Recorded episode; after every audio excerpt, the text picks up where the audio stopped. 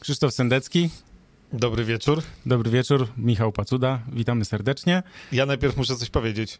Tak. E, właściwie powinienem zaśpiewać 100 lat, e, ale powiem tylko 100 lat. Michał stał się e, poważnym, albo jak to woli, starszym mm. człowiekiem i już ma 40 lat, więc najlepszego. Tak, dziękuję bardzo. Dziękuję wszystkim, którzy też do mnie pisali i składali te życzenia też wcześniej. Dziękuję. To było w czwartek, 11 lutego. Tak, to jest prawda. Ja już mam 40 lat. Trudno co zrobić. Dzisiaj w ogóle będzie urodzinowo, bo musimy o dwóch panach, którzy jutro będą mieli urodziny wspomnieć, ale to... Na końcu chyba. Dalej, dalej, no. Tak jest, dobrze. E, już jest, bo nic nie słychać. Ja widzę nas tutaj. Ja też widzę i też słyszałem, także wszystko jest chyba ok. E, dziękuję bardzo też za, na czacie widzę tutaj 100 lat, także też dziękuję bardzo. E, jeszcze nic się nie zmieniło, ale jak się coś zmieni, bo Krzysiek, kiedy masz 40 urodziny? Ja dopiero w sierpniu, spokojnie, jestem jeszcze młody. No to jeszcze masz chwilę, potem, potem to już wiesz, potem to już z górki.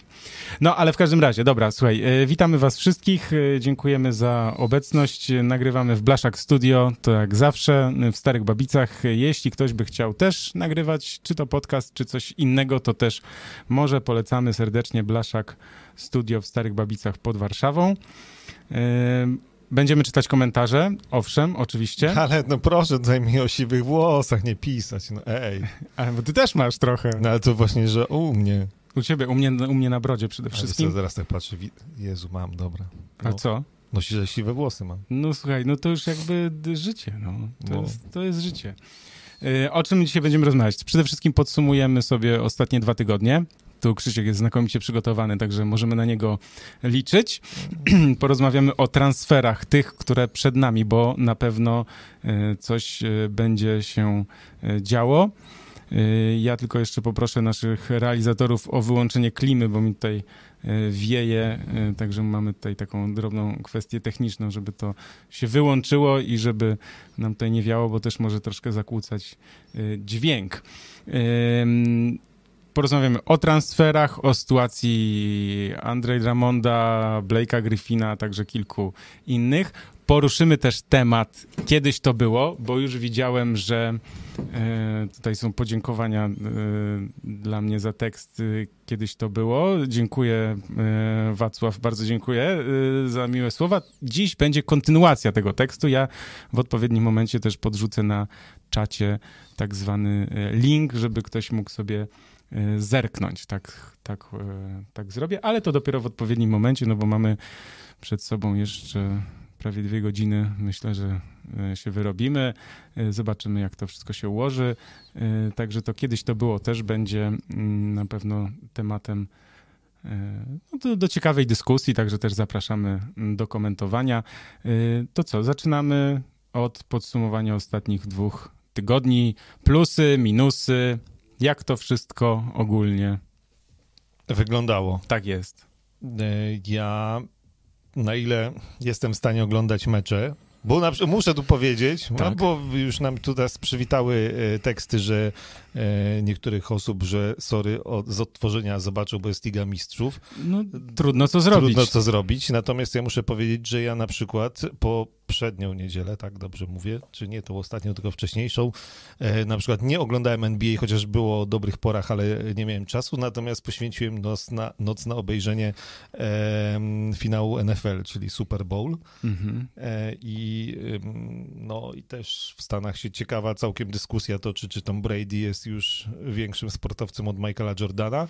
Reszta świata, myślę, może mieć na ten temat inne zdanie, natomiast Amerykanie naprawdę Toma Brady'ego wielbią i ja też podziwiam, bo jest gościem niesamowitym. E, no i tym sobie tutaj futbolowym wstępem już e, przeklikałem na e, standings w NBA, żeby było trochę łatwiej, bo z tego co oglądałem to Wciąż oczywiście absolutne e, tak zwane propsy, plusy i pochwały dla Utah Jazz. Tak. Od y, zachodu zacznijmy. Dobrze. 23 wygrane mecze, tylko 5 porażek. Na zachodzie to w ogóle jest mega. Ostatnio, e, w ostatnich 10 spotkaniach 9 zwycięstw, 8-meczowa seria wygranych spotkań. E, są absolutnie niesamowici. W Utah Jazz też e, nie przeszkadzają na razie, e, z czym mają problemy inne drużyny, żadne kontuzje, COVID i tak dalej. Generalnie jest w miarę spoko. I tam wszystko działa, i ja naprawdę na tym etapie e, sezonu już jestem w stanie absolutnie zaakceptować i zrozumieć, dlaczego oni zapłacili e, Maxa Rudiemu Gobertowi, e, bo zastanawialiśmy się przed sezonem, czy to jest dobra decyzja.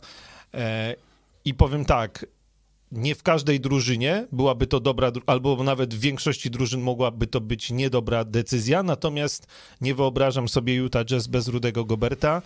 To jest dla niego najlepsze miejsce, to jest ta kontynuacja, no trochę się powtarzamy, bo Utah Jazz właściwie mówimy co dwa tygodnie, chwaląc ich tylko, no bo... No bo ja tylko, ja tylko wejdę w słowo, innego. bo nie tylko 9 ostatnich z 10, ale 19 z 20.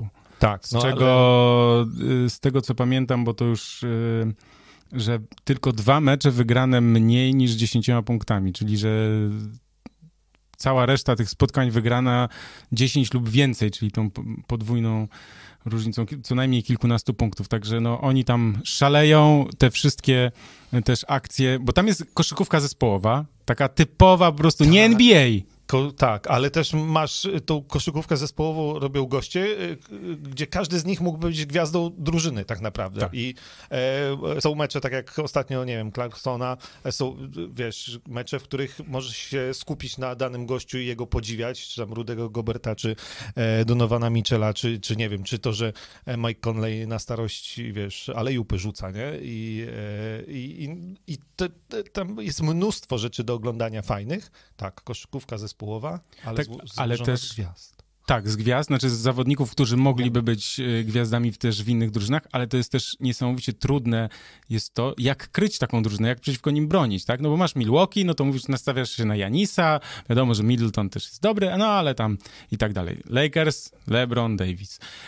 Że każda drużyna ma powiedzmy swoich tam jednego, dwóch, maks trzech zawodników, na których opierasz, nazwijmy to, swoją defensywę, natomiast w Utah Jazz, no jak, jak naciśniesz na Michela, to nagle uruchamia się ktoś inny. Spróbujesz pod koszem, no to zaraz odchodzi to na obwód i tam każdy, to się tak mówi kolokwialnie, że staje na wysokości zadania, tak? To znaczy, jak się pojawia okazja, możliwość, to sytuacja to jakby też Mitchell, y, to co ja już też mówiłem wcześniej, on troszkę zmniejszył tą liczbę zdobywanych punktów, y, czasami gdzieś tam właśnie i więcej podaje, ale też zrozumiał, że zwycięstwo drużyny jest najlepsze i dobro drużyny jest najlepsze i to jest też taki krok, który on wykonał, no bardzo duży w, no, w stronę właśnie bycia liderem drużyny, a nie tylko najlepiej punktującym graczem. Tak jest. Utah Jazz wyglądają wciąż jak milion dolarów i Nawet myślę, że 100 milionów. no tak, y, więc, y, więc naprawdę, naprawdę y, absolutnie zasłużone pierwsze miejsce i zasłużone ciągłe pochwały i ciekaw jestem, czy to będzie tak wyglądało w całym sezonie, bo na razie to jest drużyna kompletna. Na drugim miejscu, to nie wiem, czy tu powiedzieć plus czy minus, ale trzeba o Los Angeles Lakers powiedzieć, no bo oni cały czas grają nieźle, natomiast pojawił się problem kontuzji Antonego Davisa i to taka kontuzja, która na No. jakiś czas e, go z gry wykluczy, Mhm. e, pośpieszać go nie będą jakby władze oraz lekarze Lakers. E, jak on wróci i kiedy wróci, bo to jest Achilles znowu, e, to jest pewien problem. Jeśli by się to miało przedłużać, no to umówmy się, mistrzostwa bez Antonego Davisa to nie ja będzie nie na widzę. pewno.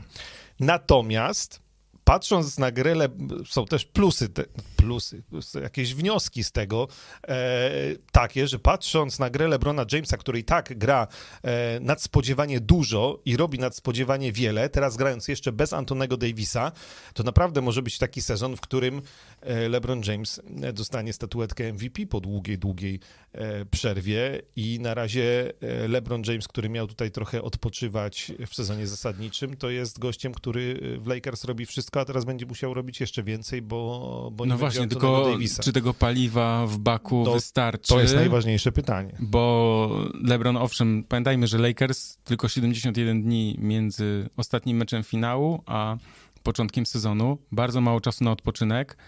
Ta eksploatacja LeBrona troszkę mnie, mówiąc szczerze, obawia, jeśli chodzi o, o siłę Lakers, o, o, to, o to, co będzie dalej, bo ja się zastanawiam, czy właśnie LeBron James będzie w stanie grać na tych najwyższych obrotach przez yy, no, kolejnych kilka miesięcy, bo to jest ten problem. To, że świetnie zaczął, super. Oczywiście dotychczasowe osiągnięcia i wyniki Lebrona pokazują, że tak, tylko że ten wiek, jak to wiemy po sobie, też ma wpływ na to, jak e, organizm funkcjonuje, więc tu bym był yy, ostrożny i niestety, no ja się obawiam, że, że coś tutaj, że, znaczy pytanie jest takie, no po, pod nieobecność Davisa teraz LeBron będzie grał jeszcze więcej, no żeby to się nie skończyło źle dla, dla Lakers, a druga rzecz, jeśli chodzi o tą, o tę kontuzję Davisa, to jest też bardzo, nie, nie wiem, czy śliski temat to jest dobre określenie, ale coś, co może wzbudzać niepokój w kibicach Los Angeles Lakers, dlatego że on za 2-3 tygodnie ma zostać poddany kolejnym badaniom. Nie znaczy, że on wróci za 2-3 tygodnie, tylko że ma. Pamiętajmy, że taki sam problem chyba, tak, miał Kevin Durant przed zerwaniem Achillesa, bo on na siłę wróci, chciał wrócić jak najszybciej i tak dalej, i tak dalej. Pamiętamy to.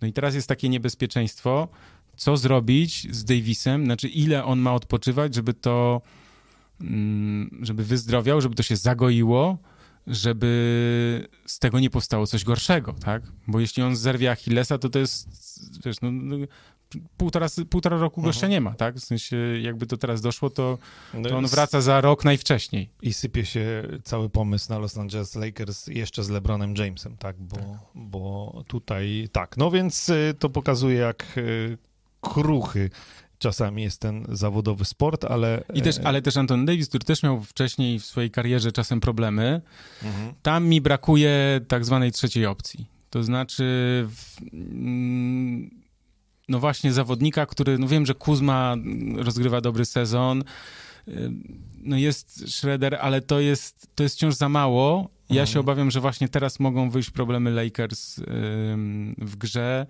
i no zobaczymy. No, też dla Lakers nie będzie dobre, jeśli oni przegrają kilka spotkań i będą na przykład naciski na Davisa, że może byś jednak Mhm. wrócił na przykład, nie wiem, za trzy tygodnie, jak nie będziesz w pełni zdrowy. Oczywiście, że też jedna ważna kwestia, Lakers wiedzą, że nie muszą mieć ani pierwszego, ani drugiego, ani trzeciego miejsca w tabeli. Wystarczy im czwarte. I lepiej, żeby mieć i lepiej, Antonego żeby mieć Davisa Antonego zdrowego. Davisa zdrowego, bo oni jakby ich celem jest y, finał NBA i Mhm. kolejne mistrzostwo. Także no tutaj jest ciekawe to, myślę, że to, co się wydarzy y, z Los Angeles Lakers. Dobrze, na zachodzie ja jeszcze chciałem e, dwa, dać dwa tak zwane wyróżnienia. E, Po pierwsze, nieśmiertelnemu Melo Antonemu, który ostatnio po prostu dokonuje rzeczy niesamowitych. Cztery ostatnie mecze, cztery wygrane przez Portland Trail Blazers i e, Carmelo Antony wygląda jak e, Carmelo Antony gdzieś tam z czasów e, Portland albo New York Knicks początków. Ponad 20 punktów, 21 ponad punktów nawet, y, rzuty za 3 na poziomie 44%, e, kluczowy gracz w końcówkach, w czwartych kwartach, e, obok Damiana Lillarda, absolutnie lider tej drużyny ostatnio, więc to nas oczywiście bardzo cieszy, bo Carmela Antonego jako starsi panowie uwielbiamy. E, I, dru, i, drugie, I drugie wyróżnienie, chyba też już wspominaliśmy, no Steph Curry. No, co robi Steph Curry w Golden State Warriors, to jest niesamowite. W tym trudnym dla Golden State Warriors y, sezonie y, bez Kleja Thompsona, e, z różnie działającym Wigginsem czy Ubre, to tak różnie działającymi, to tak trochę mówiąc mm, już oszczędzając ich, natomiast to też są niesamowite liczby, to jest ponad 36 punktów średnio ostatnio, e, prawie 50% za trzy, mnóstwo meczów wygranych po prostu przez Stefa Karego i tak naprawdę jeszcze trochę tych zwycięstw i możemy zacząć dys dyskutować o tym, czy czasem tutaj Kerego nie podłączyć do e, rozmowy o wyścigu MVP. Mm, oj, oj, oj.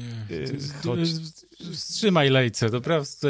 Nie, nie, nie, Ale nie szanujmy Na razie ósme, mie ósme miejsce na zachodzie. Tak, z drużyną, która mm, mm, nie pomaga. Nie, nie, no drużyna jest więc, szczerze fatalna. No. Więc, no. ale to w jakiej formie jest Steph Curry, tak to, że gra tą swoją koszykówkę z tymi rzutami za trzy, gdzieś tam zanim jeszcze ktokolwiek wyjdzie do zasłony i, i, i trafianie mnóstwa tych rzutów, to jest y, mega fajne i też się bardzo, bardzo cieszę, chociaż no tak, no tym, ty, ty, jakby w tym sezonie Golden State Warriors to już nie jest drużyna walcząca o mistrzostwo, tak jak było to gdzieś tam w latach I im nawet jak Clay Thompson wróci, będzie tak. bardzo trudno, to ja też to powtarzałem, mówiłem często, ja mam takie poczucie niestety, że w NBA jest trochę tak, że jak właśnie stracisz rok, a Clay Thompson już drugi rok, to ta drużyna, no i Steph Curry jest starszy, Draymond Green też widać, że on się świetnie odnajdywał w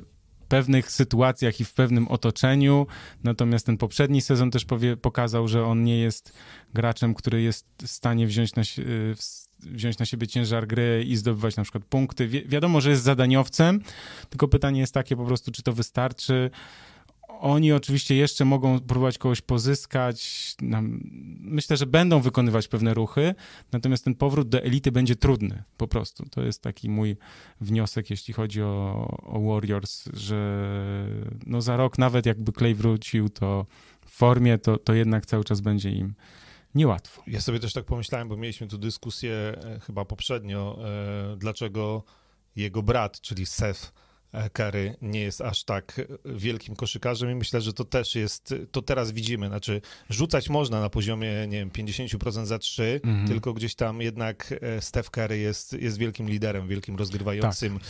E, człowiekiem, który e, sam kreuje grę i, i, potrafi wygrywać no niemal w pojedynkę, więc to jest, to, to, to wyróżnia wielkich graczy, no i to nie jest przypadek, że on był pierwszym w historii MVP jednogłośnie wybranym. Oczywiście z inną drużyną, no to, to ma duże znaczenie, natomiast to też pokazuje, że e, jak świetnym koszykarzem jest e, Steph Curry.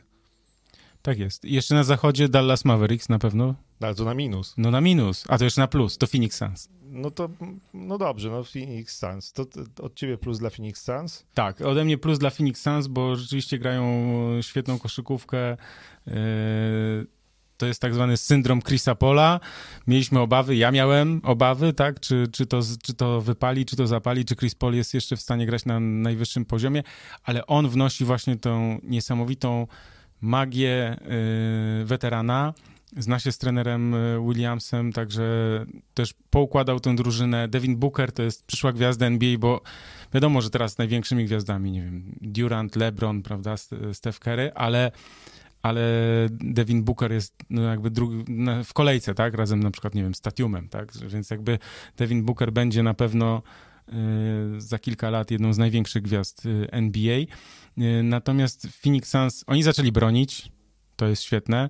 Oglądałem jakieś materiały na ESPN-ie właśnie, żeby usłyszeć, co tam, że ten wpływ, co Chris Paul takiego wnosi, tak? Na każdym treningu jest rozmowa, jest yy, też często ostra reprymenda od Chrisa Paula, ale to wszystko wpływa na to, że ci zawodnicy wiedzą, yy, co mają robić, wiedzą, jakie błędy na, mają naprawiać, że nie są tacy trochę rozkojarzeni, tak? Mają określone zadania, każdy tam wchodzi, gra świetnie, więc y, naprawdę Phoenix Suns y, na plus.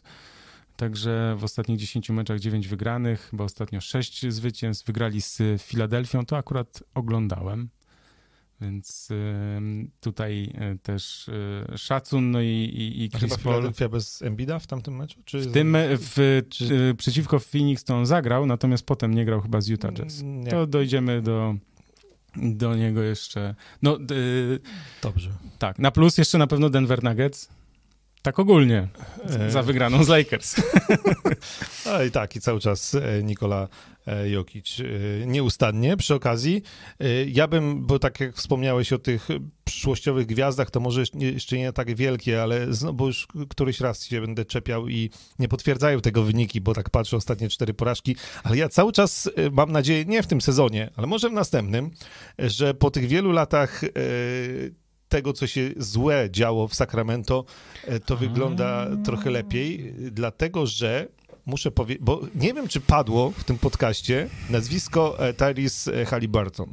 A, jeszcze nie padło. E, No i właśnie, Jest za trudne do wymówienia. właśnie tylko po to, żeby padło, e, to, to chciałem powiedzieć właśnie o, o Sacramento, że to jest chłopak z draftu i tam chyba z 12 numerem, który tak naprawdę jak ja bym miał dzisiaj wybierać y, najlepszego pierwszoroczniaka, to myślę, że on by był za Lamelo Bolem, no, y, więc wpisał się w tę drużynę fantastycznie, wnosi, ja, ja, ja Sacramento gdzieś tam na początku sezonu jakiś mecz oglądałem i sobie myślę, co za gość, nie, ja nie wiem, tam draft to tak, wiesz, Lamelo Ball, kilku graczy znam, natomiast jego nie znałem. E, i wiesz, spokój, opanowanie, punkciki, podania, Oczywiście De'Aaron Fo- Fox jest tam największą gwiazdą. Buddy Hield mam wrażenie, że znalazł już jakby swoje miejsce i pogodził się z tym, że nie jest. Rzuca tam te swoje trójki i tak dalej. No więc ten obwód taki właśnie Halliburton, Hield oraz Fox wygląda na obwód, który może w przyszłości Sacramento Kings dać e, Playoffy. playoffy Juhu! Coś więcej. Na pewno e, no, w tym sezonie będzie ciężko. Natomiast, natomiast czasami warto też poglądać e, drużyny z dołu tabeli. Byle nie Houston Rockets ostatnio, bo jednak mm, Mm, jednak no nie, nie, nie, nie. to się nie uda. Nie, nie myśleliśmy, że może coś tam drgnęło i się uda, ale ostatnio znowu wygląda, że nie. Nie. E, Więc nie, ale mieliśmy o Dallas powiedzieć. Tak, no, no oni, że na minus, tak? No Luka Na minus. Doncic troszkę gdzieś tam się potrafi odnaleźć ostatnio, jeśli chodzi o zdobycze punktowe, no bo Ale wiesz, to trochę 44, wygląda- 46, Wygląda 42. tak, że on gra, a reszta Tak, stoi. Znaczy tak. czasami on gra i Porzingis jak y, gra No, akurat tak. lepiej, e, a reszta stoi, albo wszyscy stoją oprócz Luki Doncicza i niestety Mavs jest na razie mega rozczarowaniem. Tak, oni zaliczyli w, na przełomie stycznia i jeszcze tam 2 lutego, do 2 lutego 6 porażek z rzędu. Ostatnio coś tam wygrali oczywiście, parę spotkań, ale też Damian Lillard ich e, załatwił, potem Mhm. y, nie udało im się tego odrobić. Y, Natomiast ja jedną rzecz chciałem powiedzieć o Dallas, bo y, Dallas nie mogą potraktować tego roku jako taki przejściowy, nazwijmy to, a dobra, tam się nie wiem, nie udało czy coś i tak dalej.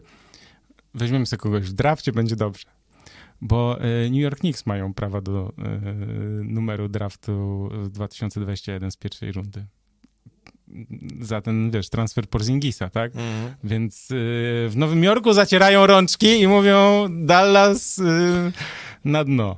No bo wiesz, jak oni nie wejdą do playoffów, a przecież no, jest taka możliwość, oczywiście jest bardzo daleko, ale wyobraźmy sobie, że oni nagle, nie wiem, no co, czwarty numer na przykład. Mhm. I Nowy Jork wtedy... Proszę bardzo. Tak jest. A, Wjeżdża tak. na białym koniu. Także y, to jest y, taka po prostu tylko ciekawostka. Oczywiście jeszcze mnóstwo czasu y, przed nami, ale też trzeba wziąć pod uwagę, że Doncic jest pod ogromną presją, bo wiesz, no on był typowany na MVP wręcz tego sezonu. Przecież przed sezonem mówiło się No właśnie, tak, że... tak, tak, no ale też zakładaliśmy, że Dallas to gdzieś tam, wiesz, to piąte miejsce na zachodzie, nie? No To- tak, no, czwarte nawet, czy coś, że, że będą tam mieszać, że Tak. będą wygrywać i tak dalej. Natomiast tutaj na tutaj... nic, nic z tego. Tak, no to do do Doncicia jest najwięcej uwag, że on przyjechał e, nieprzygotowany do tego sezonu w ogóle, więc jakby, no wiemy też to, co też mówiłeś i to, co ja też podkreślam, że ten sezon jest dziwny, jest inny, tak, że te mecze są przekładane, nagle ktoś nie gra z powodu właśnie tych kwestii zdrowotnych i tak dalej, i tak dalej, natomiast y, no Dallas Mavericks mają problem i zobaczymy, czy uda im się odbić, czy, czy, czy wejdą do playoffów, bo to, no to byłaby na pewno ogromna porażka, chociaż musimy pamiętać, że jeszcze są play-in, więc wtedy Luka może e, zaszaleć, ale no zobaczymy. Idziemy na wschód? Idziemy na wschód, wsiadamy w naszą lokomotywę. No to Na wspomnieliśmy plus. już tutaj, że e, o, o Embidzie. Filadelfia bez Joela Embida ma problemy generalnie i ostatnie trzy mecze przegrane mimo znakomitej gry Bena Simonsa.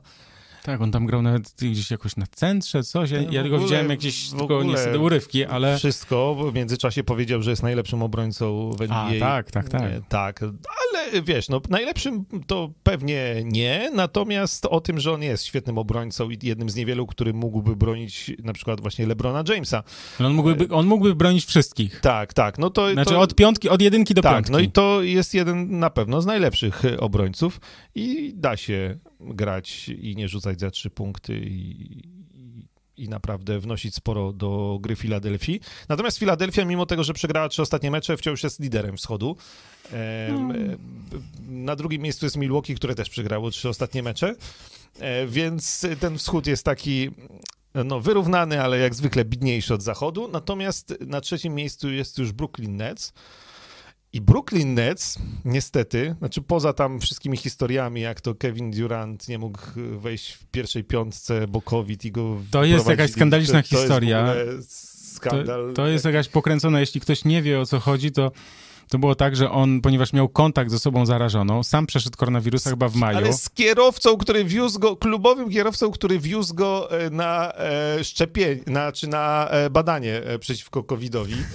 I obaj byli bez maseczek. No, przecież to jest załatwiane jak w jakimś, przepraszam, nie wiem jakim klubie, a nie w NBA. No, e, książka o, o, o COVID, nie wiem ile tam, tysiąc stron ma, o wszystkich y, możli- wszystkie regulacje, a tutaj sobie gość z klubu jedzie z Kevinem Durantem, obaj bez maseczek. No i o. No tak, no Kevin Durant pewnie ma, wiesz, no... Ma to gdzieś, bo u- uważa, że już przeszedł. Tak, w każdym razie historia jest taka, że on nie mógł wyjść w pierwszej piątce, potem mógł wejść yy, w Tak, trakcie meczu. A później go wyprowadzili z hali, Tak. bo się okazało, że ten właśnie tam kierowca miał, y, ma COVID, y, więc on był chyba najbardziej wściekły o to, że po raz pierwszy w karierze w meczu, w którym grał, nie wyszedł w pierwszej piątce, No, pewna seria też mu troszkę, wiesz, tutaj więc się skończyła. to było trochę dziwne. Natomiast Brooklyn Nets dojdziemy do transferów, natomiast zaczynam się zastanawiać, Mhm. czy oni bez tych wzmocnień są w stanie Dojechać? wygrać mistrzostwo e, w tej lidze, bo czasem odnoszę wrażenie, że tak jak niemal każda drużyna jest ich w stanie pokonać, tak oni też są z każdą drużyną w stanie wygrać i ich rozstrzelać. To wciąż jest drużyna, która ma jakiś absolutnie chory atak w znaczeniu, nie wiem, kosmiczny, nie, nie, nie, wiem jak to określić. No, nie, nie ma takiego, nie ma drugiej drużyny, która ma takie możliwości w ataku. I oczywiście ma dziury w obronie, natomiast y, jakby wygląda to coraz lepiej. y, No wiesz, no, oni też potrzebują czasu, żeby, Żeby się, żeby się zgrać, wiadomo, tak? Tylko, no, y, wiesz, na ta niesamowita skuteczność, 9 na 11 teraz Irving miał za 3, 4 dychy rzucił No, na przeciwko Sacramento Kings, także to też y, no, nie lada wyczyn, bo 9 na 11 to jest bardzo dobry wynik. Więc tak, no, Kyrie Irving, który przyznał, że powiedział, oczywiście wszyscy o tym wiedzieliśmy, ja tutaj chciałem bł- błysnąć, w sensie sobie żartem na, na Twitterze, że mówiłem przecież, że Irving będzie grał na dwójce, a Harden na jedynce i tak jest. Ja się tylko zastanawiam, czy Steve Nash o tym wie, jak oni się tam dogadują, jak grają, nie? Ale to... Słuchaj, myślę, że Steve Nash wtedy po prostu otwiera sobie tam jakiś, nie wiem, telefon i czyta po prostu jakieś artykuły, dobra, dobra, bo grajcie chłopak. chłopaki i tak to wygracie. Trochę to tak niestety wygląda. Natomiast masz rację, że to, co jest y, problemem Brooklyn Nets, może być problemem, tak? Zwłaszcza już jak będzie za trzy miesiące, za cztery miesiące, że mm, no tego, tego, tej energii, czyli tego paliwa w baku może, może zabraknąć. Ale z drugiej strony ja znam Jamesa Hardena od tej strony, znaczy znam, w sensie wiemy o tym, że James Harden to jest gość, który nie odpuszcza, nie miał problemów z kontuzjami, a on po prostu zawsze w Houston Rockets, jak była akcja, no, że możesz odpocząć i tak dalej, on mówi, ja nie odpoczywam, w sensie ja gram w basket. Wiesz, że James Harden jest po prostu nie do zajechania. Ale do zajechania jest niestety Irving, który miał problemy y, chyba z kolanami. Durant wiemy, że przecież wraca po poważnej kontuzji, y, więc tu granie nimi teraz, po, bo były, zdarzały się takie mecze, że oni nagle grają, wiesz, po 40 parę minut, tak, bo tam jakaś dogrywka czy coś, no to to jest, to jest też ryzykowne, tak? To, to wiemy, w sensie mówimy o, mówiliśmy o tym w przypadku Davisa, a teraz w przypadku Brooklyn Nets, że jeśli tam nie dojdzie do wzmocnień, to może być po prostu no, problem taki. Można znaleźć na nich sposób. W, to też, znaczy... W playoffach ich... Nie będzie to łatwe na pewno, natomiast y, wiesz, no obroną, tak? Rozumiem, tak. że rozumiem, że obroną trzeba będzie pytanie, kto jest w stanie, tak, ich, ich y, w jakiś sposób, nie wiem, ograniczyć, tak. Mamy tutaj jeszcze, wiesz co, pytanie jest y, od Damiana, y, pytanie z Twittera sprzed dwóch tygodni. Myślicie, że play-in to format, który zostanie na stałe? Ja myślę, że powinien zostać na stałe. Myślę, że jest pra... Znaczy to, że on po tej bańce jest w tym sezonie również, to myślę, że, że to jest znak, że on będzie na dłużej, będzie też w kolejnym No to zobaczymy, no może no miejmy nadzieję, bo moim zdaniem to dodaje emocji przed playoffami, to też daje taką nadzieję drużynom, o tym też mówiliśmy, tak, że to daje nadzieję drużynom, które yy, no właśnie na przykład z powodu kontuzji teraz, zwłaszcza z powodu tych różnych właśnie yy, obostrzeń i, i i tych kwestii zdrowotnych, że, że na przykład, nie wiem, jakiś zawodnik wypada na dwa tygodnie, tak? I, i nagle drużyna przegrywa parę spotkań. No i, i teraz jest szansa taka, że nawet jak zająłeś, nie wiem, dziewiąte miejsce, to w, przede wszystkim w sezonie walczysz o te dziewiąte i dziesiąte miejsce, że nie odpuszczasz, e, a dwa, że potem po prostu no, stajesz przed szansą, żeby jeszcze, jak jesteś w formie, to żeby, żeby grać i awansować. Więc e, ja jestem jak najbardziej na tak, żeby ten przepis, w sensie ten system rozgrywek mm, pozostał. pozostał już na stałe.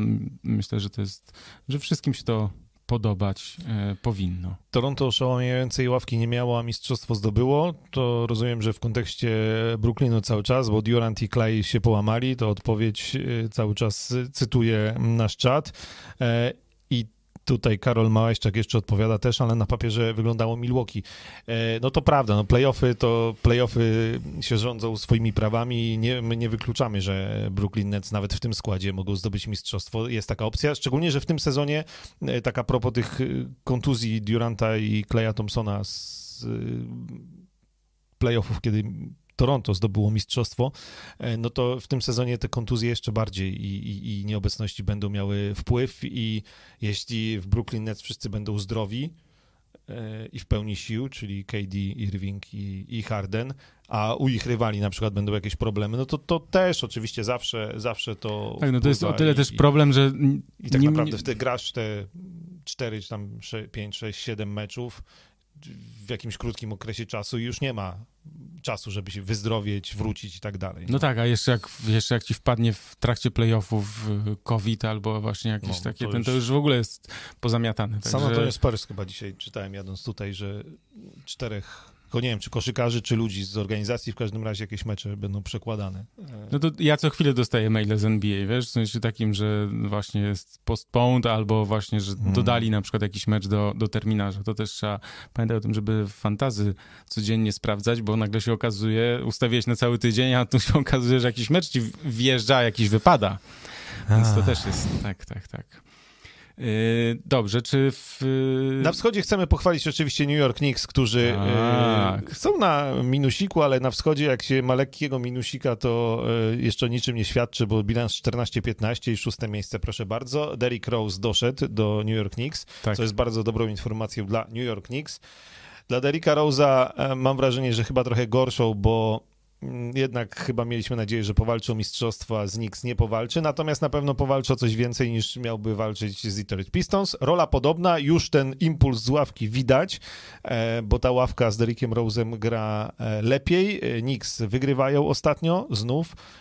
Knicks są jak na razie w najlepszej ósemce i też trochę się śmiałem, bo oczywiście jest mnóstwo tych teorii na temat tego, jaka relacja łączy Derricka Rose'a i trenera Thibodeau i on sam coś takiego powiedział, że, no, że jest to specyficzna relacja i sam do końca nie jest tego w stanie wytłumaczyć. No więc tak to zostawmy, ale też podobno zaczął wizytę w Nowym Jorku od tego, że zaprosił tam zawodników, znaczy podał wszystkim oczywiście numer telefonu i tam na jakiś obiad zaprosił, powiedział, że jak coś, czymś może służyć doświadczeniem, radami, to, to, to spoko co nie do końca się po Deriku Rosie spodziewaliśmy, bo jednak tak z tej roli wiesz, lidera to on tak e, no wiesz, różnie no, był tutaj. On jest chyba 88 rocznik, więc też już parę lat ma i też gdzieś tam się pozmieniało. Dla niego dzieciaczek trochę. No tak, no jest fajny zawodnik e, w Nowym Jorku, Immanuel Quickly. To tak. jest mhm. z draftu 25 numer, ja teraz sobie tak patrzę. Myślałem, że on był któryś tam miał troszeczkę wyżej. No w każdym razie jest 25 numer i draftu i zaliczył takie spotkanie na przykład właśnie rzucił 31, 25, 25. Dobrze y, sobie radzi jako właśnie y, rozgrywający, bardziej rzucający obrońca, ale y, warto na niego patrzeć i myślę, że Nowy Jork też Mm, Derrick Rose przyszedł trochę też właśnie jako taki mentor dla, dla takiego gracza, I, bo oni zobaczyli, że jest potencjał w tym zawodniku i no tutaj też może Rose odegrać ważną rolę właśnie w opiekowaniu się, czy takim pomaganiu w rozwoju kariery yy, takim młodszym zawodnikom, którzy urodzili się w 99 roku. To, to już ma, po maturze, po maturze świętowaliśmy już. O, ma to... Nie, no ja jeszcze rok przed, nie no, rok przed. Nie, rok przed. No, 18, to był Aha, 99 no w naszym roczniku, to był rok 18. Okej, okay, nie, no dobra. Robili imprezę jest... 18. No tak, no tak. Tak. Ehm, tak. Na wschodzie y, jednym zdaniem pochwalimy Charlotte Hornets y, i y, Lamelo Bola, który robi naprawdę coraz większe kroki w swojej karierze bardzo szybkiej. E, I Toronto Raptors i Miami Heat, którzy zgodnie z oczekiwaniami wreszcie zaczęli wygrywać, chociaż w złym to momencie mówię, bo obie te drużyny mają akurat dwa mecze z rzędu przegrane, no ale generalnie patrząc na ten sezon, to i Miami i Toronto zaczęło słabo, a już są e, w okolicach ósemki. No Toronto nawet na ósmym miejscu w tej tak, chwili. Tak, no Miami Heat grali długo przez, bez Jimmy'ego Butlera, tak. chyba przez trzy tygodnie. Yy oni po jego powrocie, ja też y, zobaczyłem na ESPN taką fajną y, grafikę, y, mają bardzo dobry ten taki ten, ten, ranking, rating i tak dalej, jeśli chodzi o, o defensywę, także też jeśli chodzi o skuteczność rywali jest niska, czyli o ich obrona jest dobra, to tak w skrócie. Natomiast Miami Heat, ja myślę, że jeszcze miesiąc bym sobie dał na to, żeby to tak powiedzieć z pewną, tak, znaczy z pewnością, natomiast trochę też yy, ten sezon pokazuje, że troszkę trzeba odczarować to, że Miami Heat byli w finale i że to jest drużyna, która w tym roku na pewno w sensie powinna być pierwsze, drugie albo trzecie miejsce, że tutaj... No ale to też tak, my tak nie mówiliśmy na pewno. Wiesz co, no ale ktoś, kto awansuje do finału, to wydaje się, że musi być mocny, tak? Przy tym jednak gwiazdeczka musiała być bańka i to też tak. ten awans do finału był, niespo, był niespo, no nikt się nie spodziewał tak, Miami tak. w finale, no w tamtym sezonie. Umówmy. Tak, ale tu ewidentnie, znaczy to też pokazuje nam, że ta bańka była też... Yy trochę, ja to już kilka razy mówiłem, że porównywałem to do Mistrzostw Europy czy Mistrzostw Świata, tak? Czyli jest krótki okres i musisz wejść z formą, jak jesteś po prostu w formie najwyższej, a Jimmy Butler tam u nas siedział i piłował tych dzieciaków, więc yy, i, to, i, to, ta, i to zaowocowało, więc Jimmy był w bardzo wysokiej formie i też musimy też wziąć pod uwagę, że Duncan Robinson i Tyler Hero byli nieznanymi graczami tak naprawdę, czyli ta, oni do, nie wiem, skauci drużyny przeciwnej czy rywale, ogólnie zawodnicy uczyli się dopiero grać przeciwko nim. Teraz widać, że, że jak już jest scouting pełny, już wiadomo mocne, słabe strony i tak dalej, i tak dalej, że już tym zawodnikom jest trudniej i to, to też jest jakby ważna kwestia, żeby to odnotować. Pamiętam, że mówiliście, to RRJ pisze, e, że Russell zawiezie e, Washington do playoff. No, no nawet jest zakład. No, także tam dajcie spokój z tym Waszyngtonem, tam już nic się nie wydarzy. Ale słuchaj, ja oglądałem ten mecz z Bostonem, najgorszy mecz Bostonu oczywiście w tym mhm. sezonie, tam Jason Tatum złapał faule i to go kompletnie wybiło w ogóle z rytmu i tak dalej, natomiast no Bradley Bill jest rewelacyjnym koszykarzem, natomiast jak patrzę na Russella Westbrooka, którego lubię, bo lubię znaczy lubiłem w sensie tą, tą energię jego, to się miło oglądało. Nie chciałbym go mieć ani w drużynie, w sensie jakbym, nie wiem, prowadził drużynę albo grał z nim, to nie chciałbym za bardzo chyba z nim grać, bo on jest po prostu mocno trzepnięty i ten mm. styl gry to jest pod tytułem trzy straty z rzędu, a za chwilę po prostu siedem albo dziewięć punktów y, kolejnych. No, Russell Westbrook jeszcze coś w tym baku, w sensie to, to paliwo jeszcze jest. Natomiast no, tam ta sinusoida, jeśli chodzi o jego dyspozycję, jest y, strasznie, strasznie duża. Y, natomiast to też, Russell Westbrook jest też takim przykładem, wiem, to miałem taką myśl właśnie, jak oglądałem ten mecz, przykładem zawodnika, który bazował we wcześniejszych latach na dynamice. I teraz tak, on jest trochę starszy i w momencie, jak bazujesz na dynamice, a nie na tak rutynce, rzutach i tak dalej, to tracisz choćby ułamek, wiesz, ułamek z tej dynamiki i to już wszystko, i wszystko się zmienia, tak? Znaczy cały styl, cały twój potencjał czy siła nagle po prostu to może być ułamek, tak? Tego pierwszego kroku, tej szybkości, tej skoczności i tak dalej i nagle widać, nagle że Russell Westbrook... na poziomie MVP stajesz się tak, no, gościem przeciętnym, niezłym, no, czasami do, graczem pierwszej, graczem pierwszej piątki średniej drużyny, tak? Mhm. Oczywiście Wizards mieli ogromne problemy właśnie z tym, z COVID-em, tak? Tam no, dużo rzeczy się zadziało wrócił e, ten Wagner, to jest jeden z tych właśnie dzieciaków, który, których warto obserwować, jeśli są tacy zawodnicy, których warto obserwować, że to może być coś z tego za kilka lat, to moim zdaniem e, jest, myślę, że warto e, się przyglądać. Dobrze. Jeszcze zapomnieliśmy jednej, jeden, jeden minusik, muszę powiedzieć. Mm -hmm. Boston Celtics, no, no. bo jestem załamany, ale to jakby wychodzi na to, bo chwaliliśmy Markusa Smarta, e, jak on wspaniale się wpisał w tę drużynę. Jak zabrakło Markusa Smarta, bo jest kontuzjowany, no to rzeczywiście ten Boston jakby z wyrwanym sercem mm -hmm. gra. Jak zdarzają się takie mecze jak Tatumowi, ten, e, o którym wspominałeś ostatni, no to już w ogóle jest dramat. Brown oczywiście cały czas nieźle, natomiast Kemba Walker jak na razie E, no to gra na takim poziomie, że on, wiesz, rozdaje trzy asysty i popełnia pięć strat. Słuchaj, I ja... to jest w ogóle na razie... Uhu, to jest moim zdaniem największa e, dziura do, do załatania i, i rzecz do naprawienia, bo z takim Kemba Walkerem nie, to w ogóle... Nie masz co łatać. Kemba Walker nie jest zawodnikiem na poziomie, nie wiem, top 3 y, drużyny na wschodzie. To znaczy, on nie tego, jest w stanie... I do tego nie broni. No tak, on nie broni. Wiesz, oczywiście, że jego gra jest widowiskowa, bo jego wejścia są dynamiczne, ma to świetne minięcie i tak dalej. Trafia też czasem z dystansu, okej, okay. ale to nie widać, to, znaczy, to było w Charlotte też widać, tak, że on nie był w stanie tej drużyny wznieść na wyższy poziom, bo no, on skupiał się na swoich indywidualnych osiągnięciach, natomiast to nie był ten zawodnik, który robił różnicę, tak? To jest bardzo ważna rzecz. No i jeszcze w Boston Celtics mo możecie tutaj jako kibice w sensie być niezadowoleni z tego, co powiem, ale myślę, że coraz więcej z was tęskni za Gordonem Haywardem, który, jak nie było Walkera, jak Tatium nie, nie grał super meczu, to on brał na siebie ciężar gry. To on przecież w tych seriach z Miami trafiał bardzo ważne rzuty, jak Miami stało strefą, w, pamiętasz, w playoffach, w sensie i tam trzeba było, Kemba Walker po prostu walczył z samym sobą, nie wiedział, co zrobić kompletnie.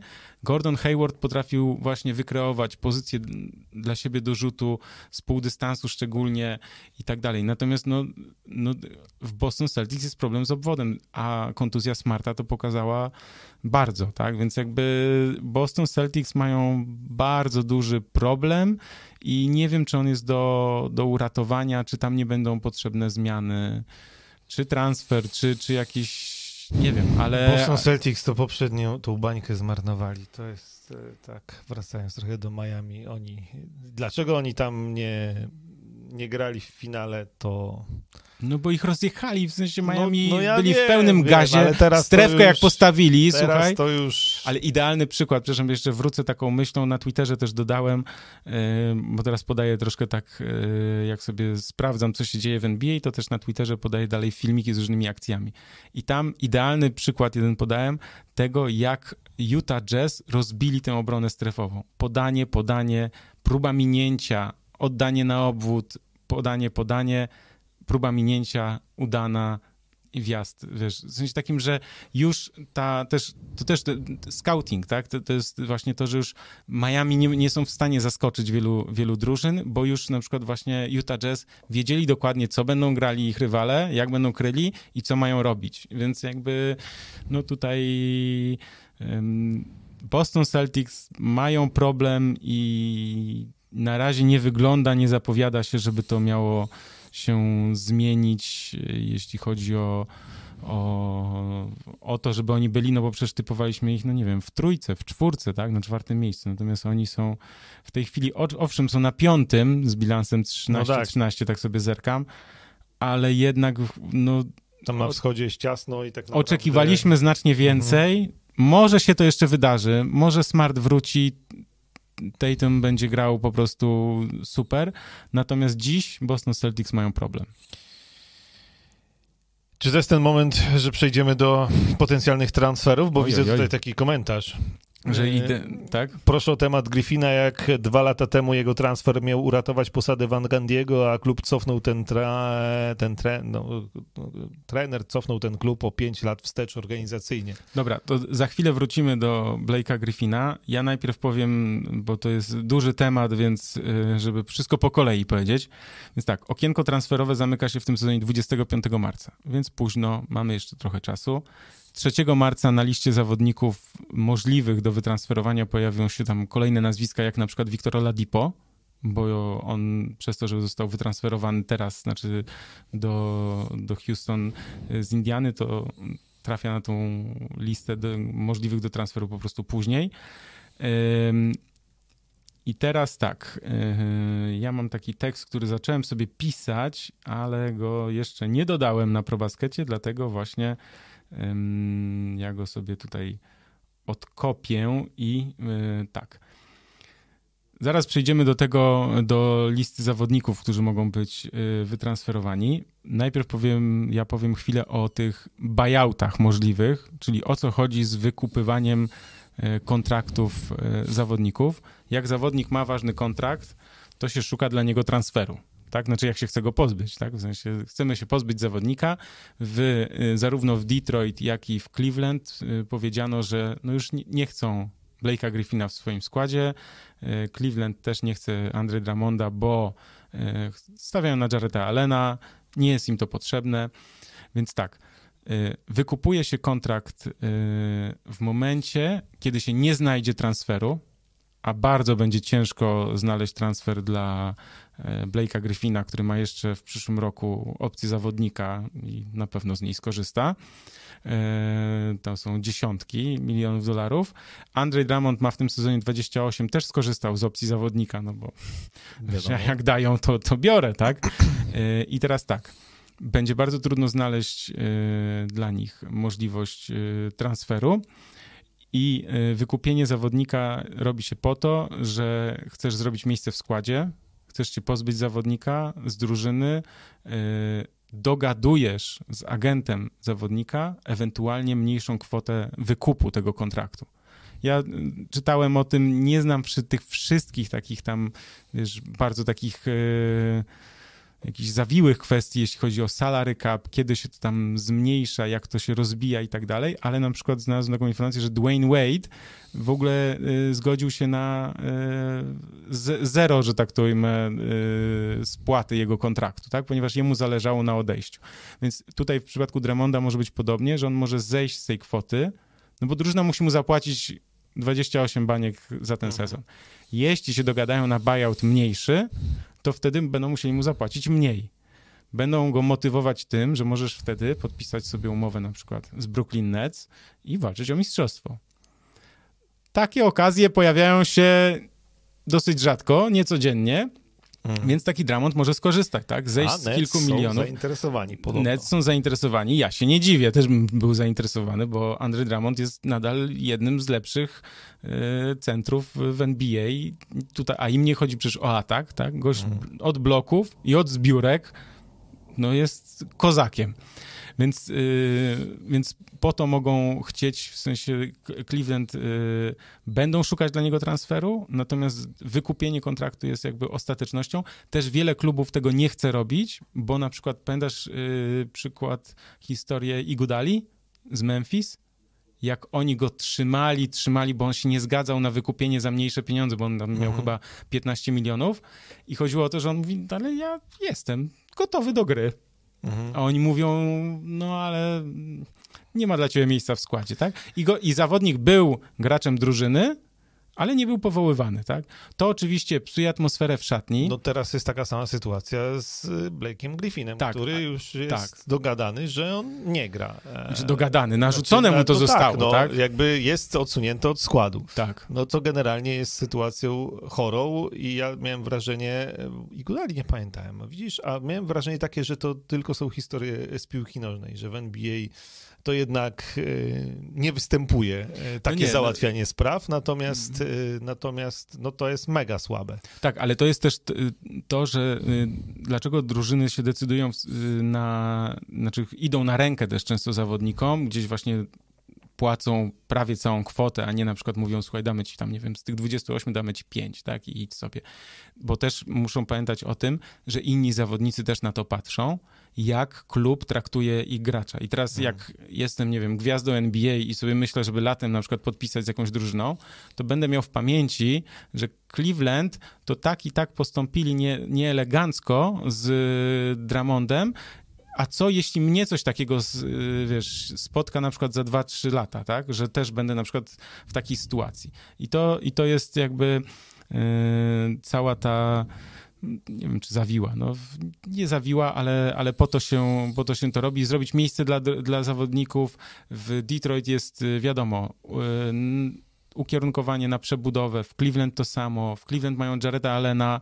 No, niepotrzebny im jest Dramont, który zresztą podobno trafił y, na, wiesz, na, na rozmowę do trenera, tak, żeby tam, bo podobno no, on się tam nie odnajduje. Ja też, to widać też w grze, że on strasznie na siłę próbuje grać. Chce dużo rzucać w ogóle, wiesz. Mm. Andrzej Drummond to nie jest zawodnik od, od rzucania, tak? Natomiast Cleveland chcą stawiać na młodych, yy, obwodowych graczy i na Jareta Allena pod koszem, no bo, no bo co, co, co? Tak samo z Kevin, Kevin Love też jest na tej liście takich właśnie zawodników, którzy, no on teraz miał kontuzję przez długi czas, ale Kevin Love to, to samo, tak? Nie wiadomo, co z nim zrobić. No i to jest generalnie też trochę smutne, bo też wracając do tego komentarza, e, jeszcze nie tak dawno Blake Griffin no też dlatego ma ten kontrakt tak wielki, bo był gwiazdą Los Angeles Clippers. Opowiadaliśmy tu już w jednym z niedawnych podcastów, e, przypominaliśmy tą historię, jak tam e, obiecali mu, że tak. Clippers e, na całe życie i tak dalej, że on będzie ich, ich to słaba za, zawsze, tak, on podpisał ten wielki kontrakt i został oddany do Detroit Pistons. W Detroit Pistons ta budowa drużyny wokół Blake'a Griffina i Dramonda delikatnie nie wypaliła też. No i teraz taki Blake Griffin e, jest gościem, którego no trochę nikt nie chce. Bo... Poczekaj, e, w tym sezonie Blake Griffin 36,5 miliona, a za rok opcja zawodnika prawie 39 milion dolarów. I teraz jaka drużyna będzie chciała wziąć zawodnika? Bo problem, problem Blake'a Griffina jest taki, że on stracił swoje atuty, trochę tak jak Russell Westbrook, tak? Czyli e, Blake Griffin nie wykonał wsadu w tym sezonie. To jest w ogóle, wiesz, nies, niespodziewane, tak? Znaczy, znaczy, też on akurat trochę na, jakby na, na, na, własną prośbę, czy własne życzenie, bo on też w pewnym momencie, to też o czym mówiliśmy, zaczął rzucać za trzy, chciał pokazać wszystkim, że on nie tylko slam dunki, tylko on jest wszechstronnym, no tak, e, silnym ale... skrzydłowym, który wszystko potrafi. E, ale tak nie jest. No tak nie jest, do tego są oczywiście kontuzje, tak, ale on też nie ma predyspozycji do tego, żeby być na przykład mentorem dla młodszych zawodników, tak? To znaczy Chris Paul ma, ma takie możliwości, y, jest szanowany, uznawany przez wszystkich, ma też bardzo dużo mądrych rad, wniosków, jest takim trochę jakby no, grającym asystentem trenera teraz, tak? Natomiast Blake Griffin czy ty sobie wyobrażasz, że właśnie, no, dlatego chcą go też pozbyć się z Detroit, tak, że on nie jest wsparciem dla, mhm. dla młodszych y, zawodników, bo, bo, charakterologicznie po prostu ta, taki nie jest. To samo, teraz pytanie jest takie, czy on pomógłby drużynie walczącej o mistrzostwo? Wiesz co, myślę, że jakby wykupili jego kontrakt i Brooklyn Nets zaproponowaliby mu bańkę, czy coś takiego, w sensie minimalną umowę, to oczywiście, że bierzemy, no bo ten... Natomiast czy on jest zawodnikiem, który naprawdę może to zrobić? Albo na przykład, czy warto teraz wymieniać i płacić mu taką ogromną kasę, bo walczymy na przykład o playoffy, nie wiem, znaczy walczymy o mistrzostwo, na przykład, nie wiem, widziałbyś go, nie wiem, w Lakers? Nie, znaczy ja, ja bym nie zapłacił takich pieniędzy za, za Blake'a Griffina, e, więc... Ja się więc też obawiam, nie. że on nie pasuje zupełnie do roli tego role player, tak, że on, mm, że nie pasuje do roli zmiennika, y, że on jest przyzwyczajony do tego, że no, grał pierwsze skrzypce, tak? Był Mhm. najważniejszym zawodnikiem swojej drużyny i teraz on się nie odnajduje w roli zmiennika. Wielu było zawodników, którzy potrafili z roli lidera, tak jak Carmelo Antony, tak? Z roli lidera, super strzelca, wybitnego gracza, przejść na rolę mm, No, takiego... żeby daleko nie szukać, no Derrick Rose był też sytuacja No tak, podobna, o, i kolega dokładnie. z klubu i też po kontuzjach Tak. i, i jednak... e, Potrafił zmienić to mentalnie, w sensie w swojej głowie, tak? Natomiast Blake Griffin wydaje się, że, że nie jest w stanie, więc teraz opcja zawodnika na kolejny sezon, wiesz, no wiadomo, że z niej skorzysta, tak? Więc jakby szans na pozyskanie, znaczy na transfer y,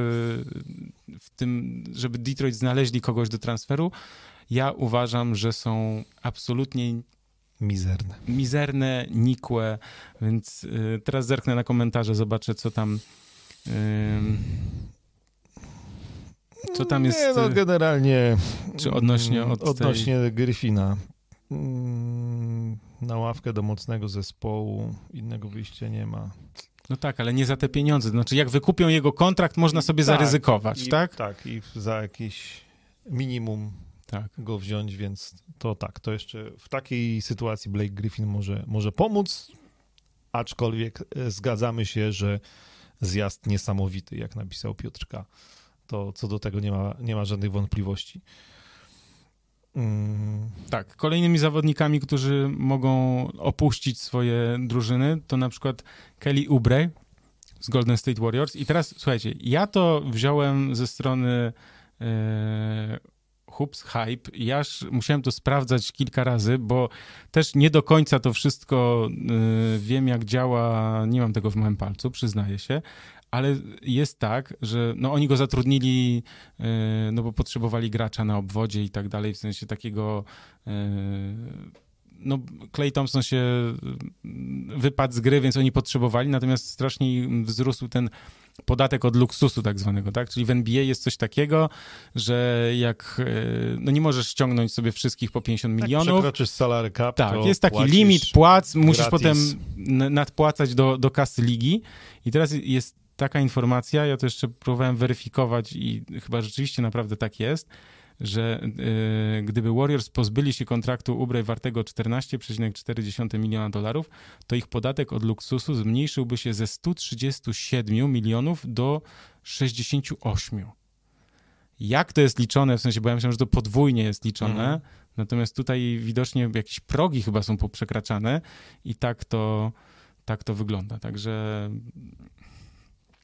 tutaj Proszę ja myślę, bardzo, że... Zapraszamy, ale e, Kelly Oubre to też jest zawodnik, e, za którego ja bym go nie wziął do swojej drużyny. No to jest...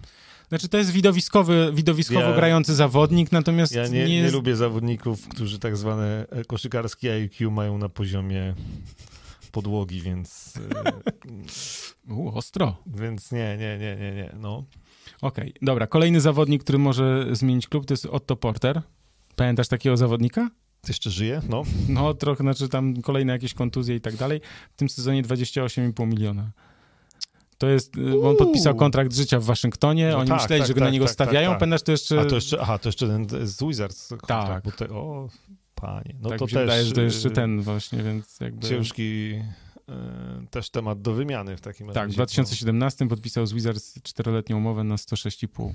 Także on jest y, ewidentnie na, na wylocie, tak, bo to jest, y, jemu się kończy kontrakt, więc też po prostu zrobią dla niego, y, znaczy będą szukali po prostu, chyba żeby się po prostu go mm, pozbyć. Kevin Love, y, to ja już o nim mówiłem, ale jego kontrakt w tym sezonie 31, w kolejnym tak samo, a w 2022-2023 29 milionów. Więc on ma jeszcze ponad, znaczy Mhm. ten sezon i jeszcze dwa lata. Także to, yy, no to musiał pokazać, że jest y, wciąż w wysokiej formie, a tu miałbym y, wątpliwości. To jest mój typ, jeśli chodzi o, o transfer, o możliwy transfer. Ja coś czuję i tak zastanawiam się, czy Golden State Warriors, jak już będą, podejmą decyzję o tym, że jednak robimy, Mhm. wietrzymy szatnie, to czy Draymond Green nie wyleci? A mi się wydaje, że ciągle nie. Że ciągle jakby. Trudno sobie wyobrazić, mimo wszystko, e, mi Golden State Warriors bez Draymonda Greena. Em, Jakby... No to, to że, no, słuchaj, tak jak Clippers bez, bez Blake'a Griffina, tak? Kiedyś byli nie do pomyślenia. Gość rzuca 35% z gry i 19 za 3. Nie, ale on jest ciągle też takim. 8 asyst oczywiście. Ale też gościem gdzieś tam, nie chcę powiedzieć, że liderem, bo oczywiście Steph Curry jest liderem, ale takim. E, powiedzmy, kolegą Stefa, człowiek. On jest, on jest w, e, w ogóle. On jest ciężki. a- Steve Kerr go nie cierpi. Poczekaj, Steve Kerr go nie jest cierpi. w przeciwieństwie do Ubre gościem inteligentnym. No tak. E, I e, jakby. Na swój sposób. na swój sposób, ale to był sposób, który mi do Golden State Warriors i do tej drużyny e, pasuje. I ja tam nie przesadzał z tym, że go Steve, e, e, Steph Curry nie cierpi. Steve Kerr. A Steve Kerr. A, Steve to Kerr go nie cierpi. nie cierpi. No dobrze, no to Steve Kerr go nie cierpi. No to jeśli Steve Kerr go nie cierpi, no to może rzeczywiście. A on podpisał Natomiast- latem 2019 roku, podpisał czteroletnią umowę wartą 100 milionów. Więc jest Trochę były też. łakomym kąskiem, żeby czasy. go wypuścić, że tak to ujmę. Yy, I ja bym się, znaczy, ja nie twierdzę, że tak będzie, tylko uważam, że jeśli Golden State Warriors pod, podejmą decyzję za kilka tygodni o tak zwanym wietrzeniu szatni i przebudowie, to może się okazać, że, że Green się yy, pożegna, że tak to ujmę, z, z drużyną Golden State Warriors. Także tak może być. Jeszcze inni zawodnicy, którym się kończą kontrakty, tak, to jest e, Tim Hardaway Jr. z Dallas Mavericks. To jest ciekawe, e, czy Dallas się zdecydują na taki ruch. Ciekawe. No, no, myślę, że trochę w ogóle zależeć będzie od tego, jak to Dallas będzie wyglądać, tak? Bo tam trzeba jakieś decyzje podjąć, co dalej. Tak. Więc, więc tak. PJ Tucker w Houston Rockets. Też mógłby się przydać drużynie. Słuchaj, to jest zawodnik, który no, w drużynie grającej ogony bez sensu, natomiast jakbym walczył o mistrzostwo, to bym się naprawdę zastanowił, bo to jest gracz, który wkłada ogromne serce w grę, trafia jak trzeba, broni jak trzeba i myślę, że swoim doświadczeniem mógłby... mógłby Kilku drużynom jeszcze pomóc. tak, tak samo George Hill na przykład, Mm. który w Oklahoma City Thunder A jeszcze masz tam... tam Johna Collinsa niejakiego z Atlanty? A, John Collins, no... No to mnie oczywiście. zaciekawiło, że on, że Atlanta podobno słucha. E, Ale słucha tu muszą być jakieś ofert. kwestie interpersonalne, Znaczy, że tak tam było, on chciał, tam chyba chodzi generalnie o to, że on przed sezonem y, chciał się dogadać na y, maksa, a Atlanta mu proponuje 90 milionów, bo jemu się po tym sezonie ten y, no, Debiutancki. pierwszy debiutancki kontrakt kończy, e, więc po prostu Atlanta nie chce mu zapłacić tyle, ile on chce.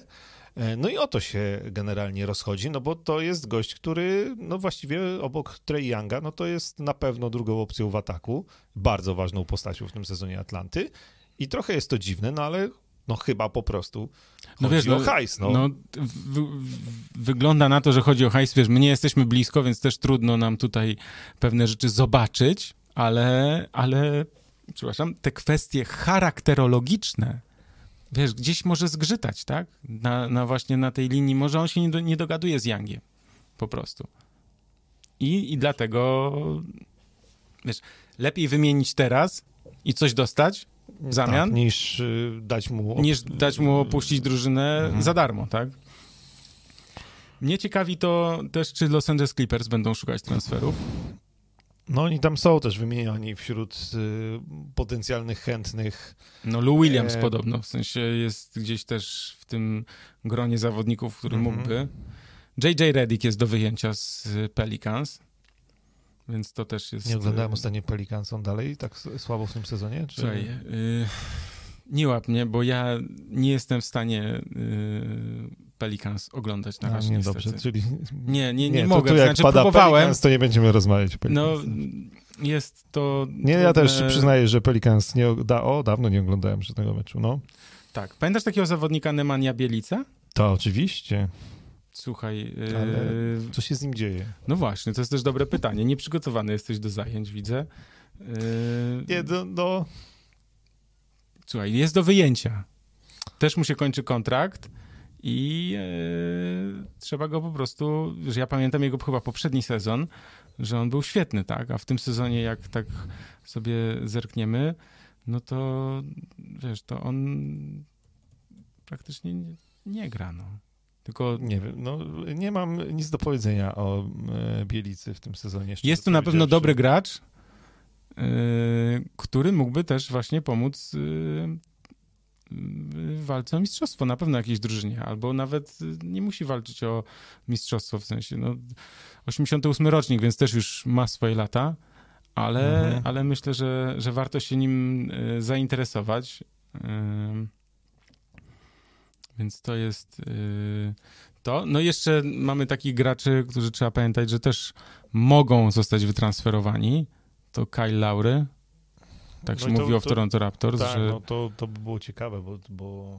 to już taka jednak- definitywna przebudowa. No. Tak, no to, to byłby znak, że jednak w, to, w Toronto, znaczy w Tampie w tym sezonie No, właściwie, em, no już byłoby zupełnie wszystko przebudowywane. ale Naprawdę. myślę, że gdyby pozyskali Dramonda, to mógłby Laury zostać. Wiesz, że mo- mogą Mhm. taki last shot, tak zwany, w sensie, wiesz, że, że może jeszcze spróbujmy, tak? Mnie cały czas ciekawi, to już jakby od początku sezonu i dziwię się, że jest o tym cicho, Lamarcus Aldridge. No ale no, ja chyba o nim nawet wspominałem No, sobie. Nie, ale no, ale chodzi- że co? Że transfer. Że wiesz, żeby się go po prostu, y, że on powinien, no bo już tak, ze Spurs nic nie, nic nie, nie wiesz, nie ugra, tak, w sensie ten i, i żeby on poszedł do mocnej drużyny. Golden State Warriors go przecież chcieli, była taka ploteczka. No, to, no tylko, że Golden State Warriors w porównaniu z San Antonio w tym sezonie to jest mocna drużyna. Em, Jemu się kończy kontrakt też. No bo tam w tym San Antonio to on się całkiem nieźle w tym sezonie, że tak powiem, wygląda w tej mieszance młodości z doświadczeniem Grega Popowicza. To San Antonio tak sobie tam po cichutku, wiesz, yy, meczyk za meczykiem i zdaje się, że są w ósemce chyba Tak, na tak, zachodzie. tak. No więc A, i jakby- właśnie San Antonio Spurs są jedyną drużyną, która pokazuje, że nie trzeba e, schodzić na dno. To zresztą mówiliśmy o tym, jak mówiliśmy o drużynach, ty mówiłeś tak, o organizacjach, które, że nie trzeba schodzić na dno, że można z tego draftu wy, wyłuskać A, no zawodników. to Greg Popowicz jest absolutnym mistrzem, zresztą, y, wiesz, no, Kawhi Leonard to nie jest Tak. numer jeden draftu. No nie, nie, nie, nie, więc jakby... Ale Tony Parker, Manu Ginobili to No, samo, tak, no, no więc, więc- jakby... To oczywiście. I DeMar DeRozan też mu się kończy kontrakt. Tym... Ale Demar DeRozan to już nie na dzisiejszą ligę, no niestety to, to już mm, taki, wiesz, bez porządnej trójki, No tak. bez gry, bez piłki, mm, wiesz, jakby za dużo ograniczeń ma Demar DeRozan, żeby być liderem jeszcze jakiejkolwiek drużyny. Gdzieś tam, w tym w San Antonio y, wielu zawodników wygląda lepiej niż wyglądałoby w innych drużynach, mam wrażenie, y, gdyby ich wyjąć z systemu Grega Popowicza, to San Antonio wygląda całkiem sympatycznie y, w takim zestawieniu, w jakim w tej chwili jest. Ym, Brooklyn właśnie podpisali Andre Robertsona. O, proszę bardzo. Tak. No to jest gracz do defensywy przede wszystkim, bo on No rzutem nie straszy. Tak, tak, no ale to tam ma kto straszyć rzutem.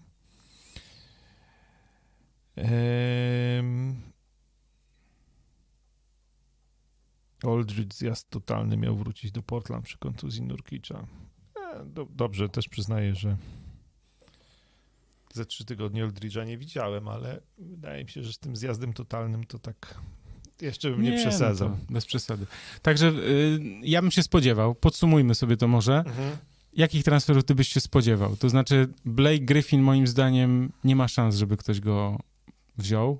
Dramont myślę, że Słuchaj, mówi się że, też, że Charlotte Hornets by go chcieli mieć u siebie. Lista jest długa, bo ja to już widziałem tych list dru- drużyn zainteresowanych z różnych stron, to po prostu gdzie nie spojrzysz na czyje konto na Twitterze, to inne drużyny podają. No natomiast e, natomiast e, no o Dramondzie zresztą już wcześniej się mówiło, że tam możliwy buy- buyout i tak dalej, więc e, Dramont jest dobrym kąskiem dla wielu drużyn, wciąż e, tak. Zwłaszcza, że kończy mu się kontrakt Tak. po tym sezonie, tak? tak, więc... Więc, na pewno taki center to tak. Blake Griffin nie. Ym, jestem ciekaw tego Collinsa z Atlanty, naprawdę, bo to, to jest taki chłopak, który. Ale wiesz, Atlanta może na, za niego naprawdę sporo dostać, więc Tak, to też tak, jest tak, tak, e, tutaj szansa dla, dla Atlanty. I mnie bardzo ciekawi wietrzenie szatni w e, San Francisco. Mhm. Czy jednak... Czy się wydarzy? czy się wydarzy, tak, to ja sobie tak po prostu, no, obserwując, mówiąc najogólniej, więc y, to mnie ciekawi, moim zdaniem, znaczy jak będą mieli okazję, zobaczą, że nie są wysoko, to myślę, że ten Kelly Oubre może polecieć i będą się nastawiać na kolejny sezon, ale to jeszcze, jeszcze chwila jest, także zobaczymy. Dostałem powiadomienie na fantazy, że Kyrie Irving jest out. Nie wiem dlaczego, ale Słuchaj, no tak może za dobrze zagrał, teraz musi odpocząć, no więc wiesz. w najbliższym meczu, więc go nie zobaczymy. E, dobrze.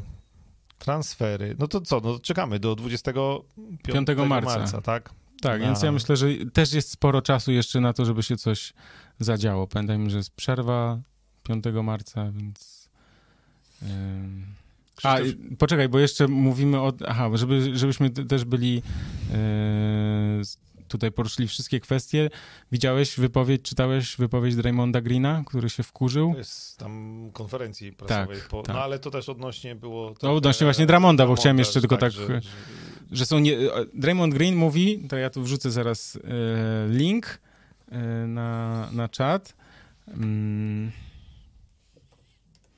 Draymond Green mówi, że to jest nie w porządku, jak został potraktowany i Griffin, i, i Dramond, jemu tutaj szczególnie chodziło o Dramonda, że zespół, drużyna może go odsunąć od e, zespołu, od drużyny, od zespołu, tak, od grania, natomiast jak zawodnik, i tu chodziło mu o Hardena, mówi, że chce transferu, no to już jest cały tam, całe na niego jest wylewane pomyje. Mówi się, że ktoś jest rakiem w drużynie, on użył- takiego Mhm. słowa, tak, że, że też są takie, takie, takie historie. Anthony Davis yy, też przecież został ukarany, to Draymond Green mówił, że chyba 100 tysięcy dolarów kary za to, że powiedział, że chce zostać wytransferowany, że są podwójne standardy. Z jednej strony, wiesz, z jednej strony Draymond Green ma rację, bo rzeczywiście jest tak, że drużyna może zrobić trochę co chce, a zawodnik nie za bardzo i liga może go ukarać i, i drużyna może też y, mu obciąć y, kasę i tak dalej. Ale z drugiej strony klub NBA to jest jednak pracodawca. I bo mi też się to generalnie nie podoba i też mówiłem o tym, że, że jakby szanuję NBA za to, że generalnie takie rzeczy w przeciwieństwie na przykład do, do piłki nożnej się nie zdarzają, natomiast czasem się zdarzają. No i żeby znaleźć argument za właśnie klubem, no to też to, co jest akurat dla zawodników NBA fajne, to że jak podpisujesz kontrakt, na przykład na 5 lat, to bez względu na to, w jakim klubie zagrasz, to masz cały czas ten kontrakt Tak. że no to w innych sportach tego nie ma, tak? Zmieniasz klub, kluby się dogadują, ty sobie dogadujesz e, kontrakt z nowym pracodawcą, on nie musi być tak wysoki, E, jak grałeś w ostatnim sezonie gorzej, no to pewnie podpiszesz mniejszy. Natomiast w NBA masz tą gwarancję, czasami o czym też nam dzisiaj tu wyszło w rozmowie, później są takie kwiatki, że mamy gościa, którego nikt nie chce, a on ma jeszcze do końca e, setki milionów do zarobienia. Natomiast no to jest akurat coś... E, co nie jest powszechne w innych sportach i dlatego też NBA uchodzi za najlepszego pracodawcę. Zresztą w rankingach Forbesa najbogatszych sportowców co roku wychodzi, że średnia najwyższa e, zarobków jest właśnie w NBA. Że okej, ci najwie, najlepsi zarabiają jakieś tam miliony i możemy mówić, czy więcej zarabia Roger Federer, Cristiano Ronaldo czy LeBron James. Natomiast jak weźmiemy średnią nie wiem, z ligi włoskiej, czy hiszpańskiej, piłkarskiej, czy z NFL, e, czy ligi angielskiej, piłkarskiej, tak, czy z NFL, czy z baseballa, czy z koszykówki, to ta średnia będzie najwyższa w NBA. Tam jest więcej zawodników chyba. E, no, e, e, Chodzi mi o to, że tak. te niskie kontrakty zaniżają tak, średnią, Oczywiście, tak? że tak, oczywiście, że tak, że to też, natomiast w NBA tak naprawdę e, wszyscy, jak jesteś w NBA, to już dobrze zarabiasz, no to jak masz coś więcej niż 10-dniowy kontrakt e, podpisany, to, to właściwie już masz perspektywę zarabiania dużych albo bardzo dużych pieniędzy. I, i to jest jakiś argument za klubami, tak, że one też, e, no wiadomo, mają jakieś pieniądze do wydania, chcą je w taki albo inny sposób wydać i czasami Zdarzają się takie sytuacje, no, które są słabe, no ale... Ale to jest, bo mówimy też o tym, że mm, od kilku sezonów to zawodnicy rządzą trochę ligą, tak? Znaczy, że no te to... krótkie, krótkie kontrakty mhm. dały im takie prawo do tego, do takich no, trochę numerów, jak, nie wiem, jak Kevin Durant, jak y, Kawhi Leonard, tak? Taki, że sobie można znaczy, że, że zawodnicy rządzą, że to oni oczekują i oni dyktują warunki, tak? Czyli na przykład, mhm. że Kawhi Leonard, ja przyjdę, ale jeszcze Pola George'a mi tutaj ściągnijcie. No i wtedy wszystko i tak dalej. Więc kiedyś, rozumiem, że wiesz, no, wszystko jest dobre, kiedy jest, nazwijmy to, wypośrodkowane, kiedy nie ma rzeczywiście zbyt duża władza klubów, też nie będzie w porządku wobec zawodników. Oni zarabiają ogromne pieniądze, Andre Drummond zarobi ogromne pieniądze bez względu na to, co się wydarzy, więc wydaje mi się, że pracodawca no, ma prawo powiedzieć, wiesz co, nie będę już na ciebie stawiał, bo mam tutaj całą listę młodych graczy i to oni są przyszłością mojego klubu, natomiast ja ci zapłacę, tak? Przecież teraz uważaj, bo do głowy mi przyszło, bo się naglądałem w weekend Pucharu Polski w koszykówce i ten, i Felundberg odszedł do CSK Moskwa z Zastalu. Mm -hmm. Już pomijając wszystkie inne kwestie, to akurat po, do samego końca pożegnał się pięknie, poprowadził drużynę do Pucharu Polski i sobie idzie grać do CSK. E, więc... Całkiem niezłej drużyny. E, całkiem, całkiem niezłej drużyny.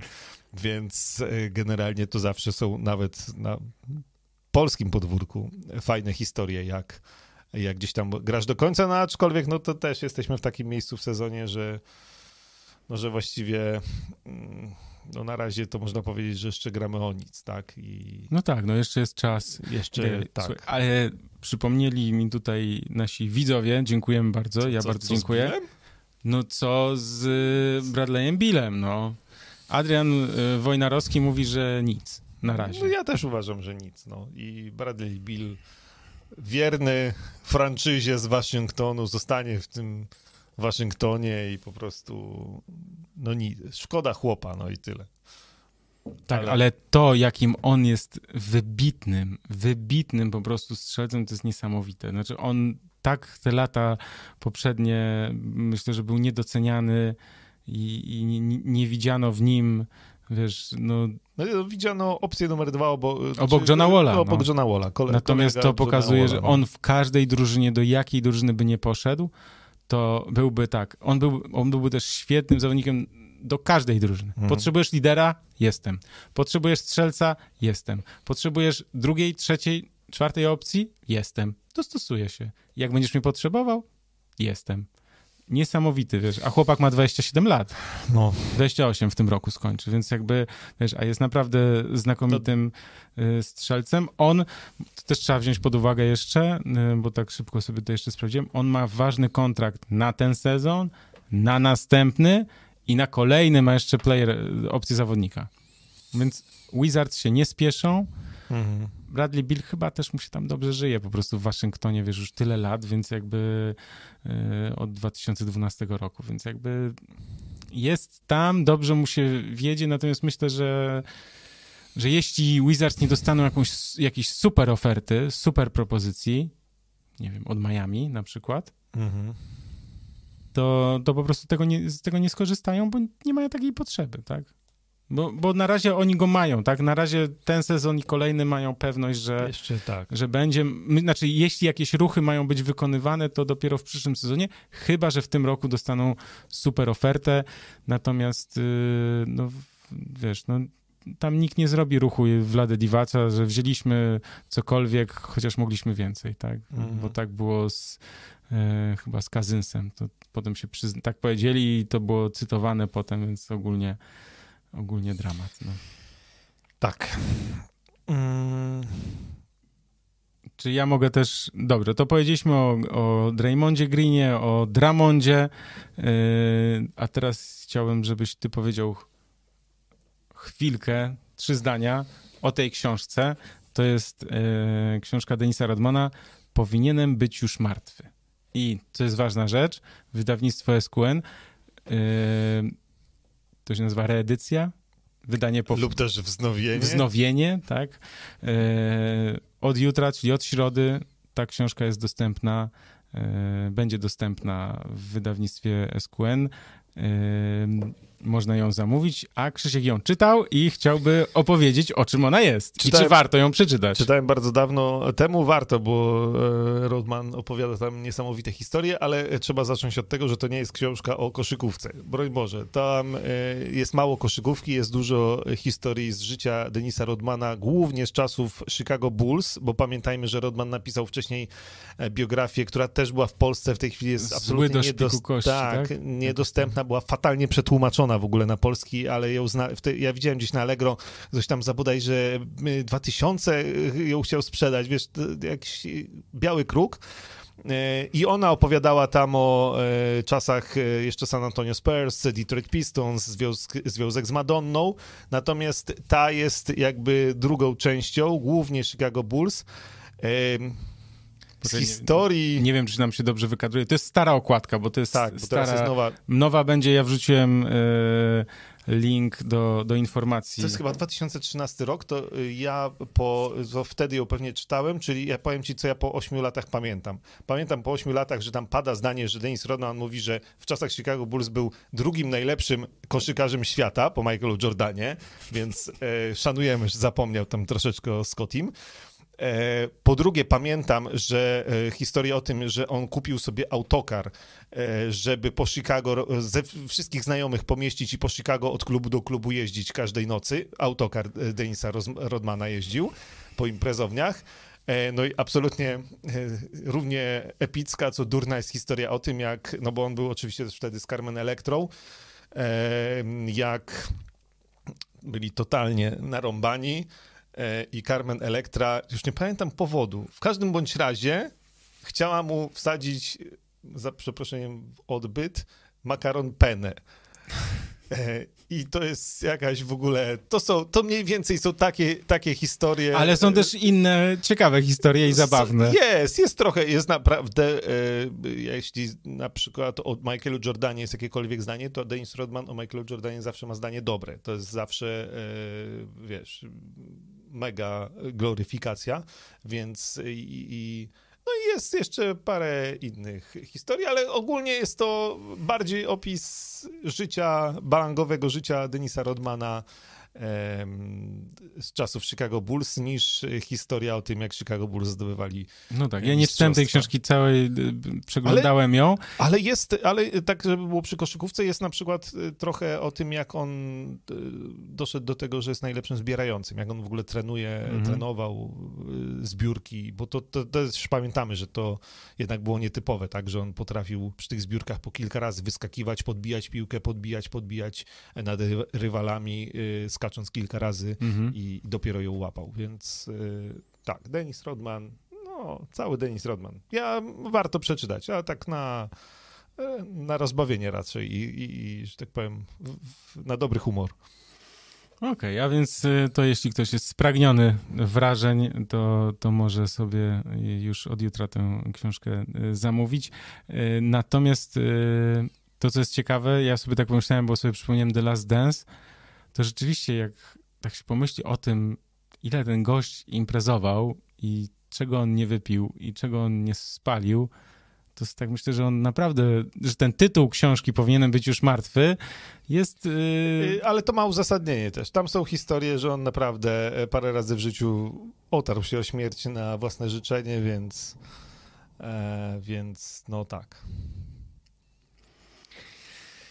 Huh, dobra, to y, z Denisa Rodmana y, też y, co, przejdziemy troszkę do tak zwanych, do przeszłości? Em, tak, a jeszcze z Denisa Rodmana przypomniało mi się, ale to już tego w książce nie ma, bo jego córka gra w piłkę nożną i ostatnio została w drafcie wybrana. A, E, właśnie. I e, czekaj, Trinity się chyba nazywa.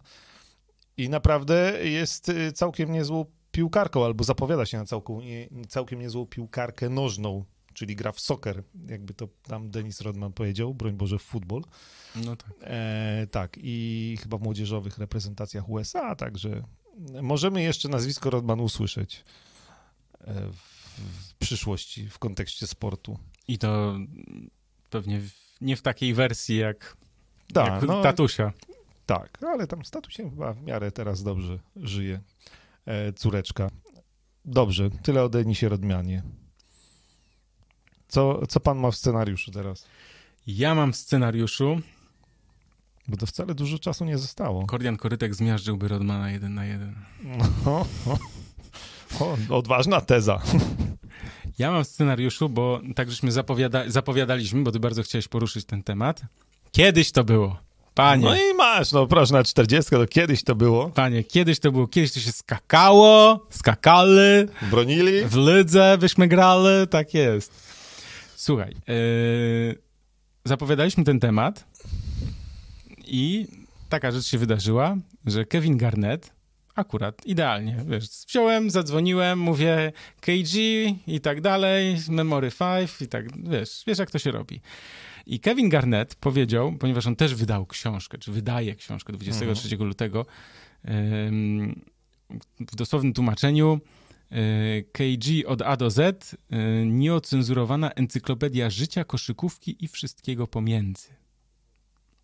Taki, Trochę metafizycznie, no. no wiesz, KG jest, y, Garnett jest gościem, który jest, y, nie wiem jak to powiedzieć, żeby go do, aż tak bardzo nie urazić, natomiast on jest, wy, wydaje mu się, że wie wszystko na temat wszystkiego Mhm. Takie sprawia wrażenie i w tych wywiadach, i jak grał.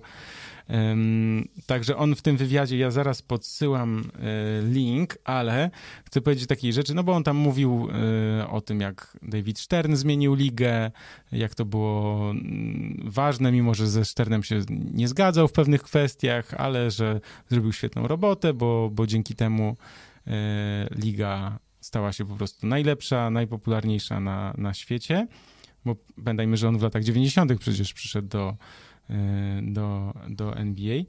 Natomiast Kevin Garnett powiedział taką rzecz, już mam taki cytat.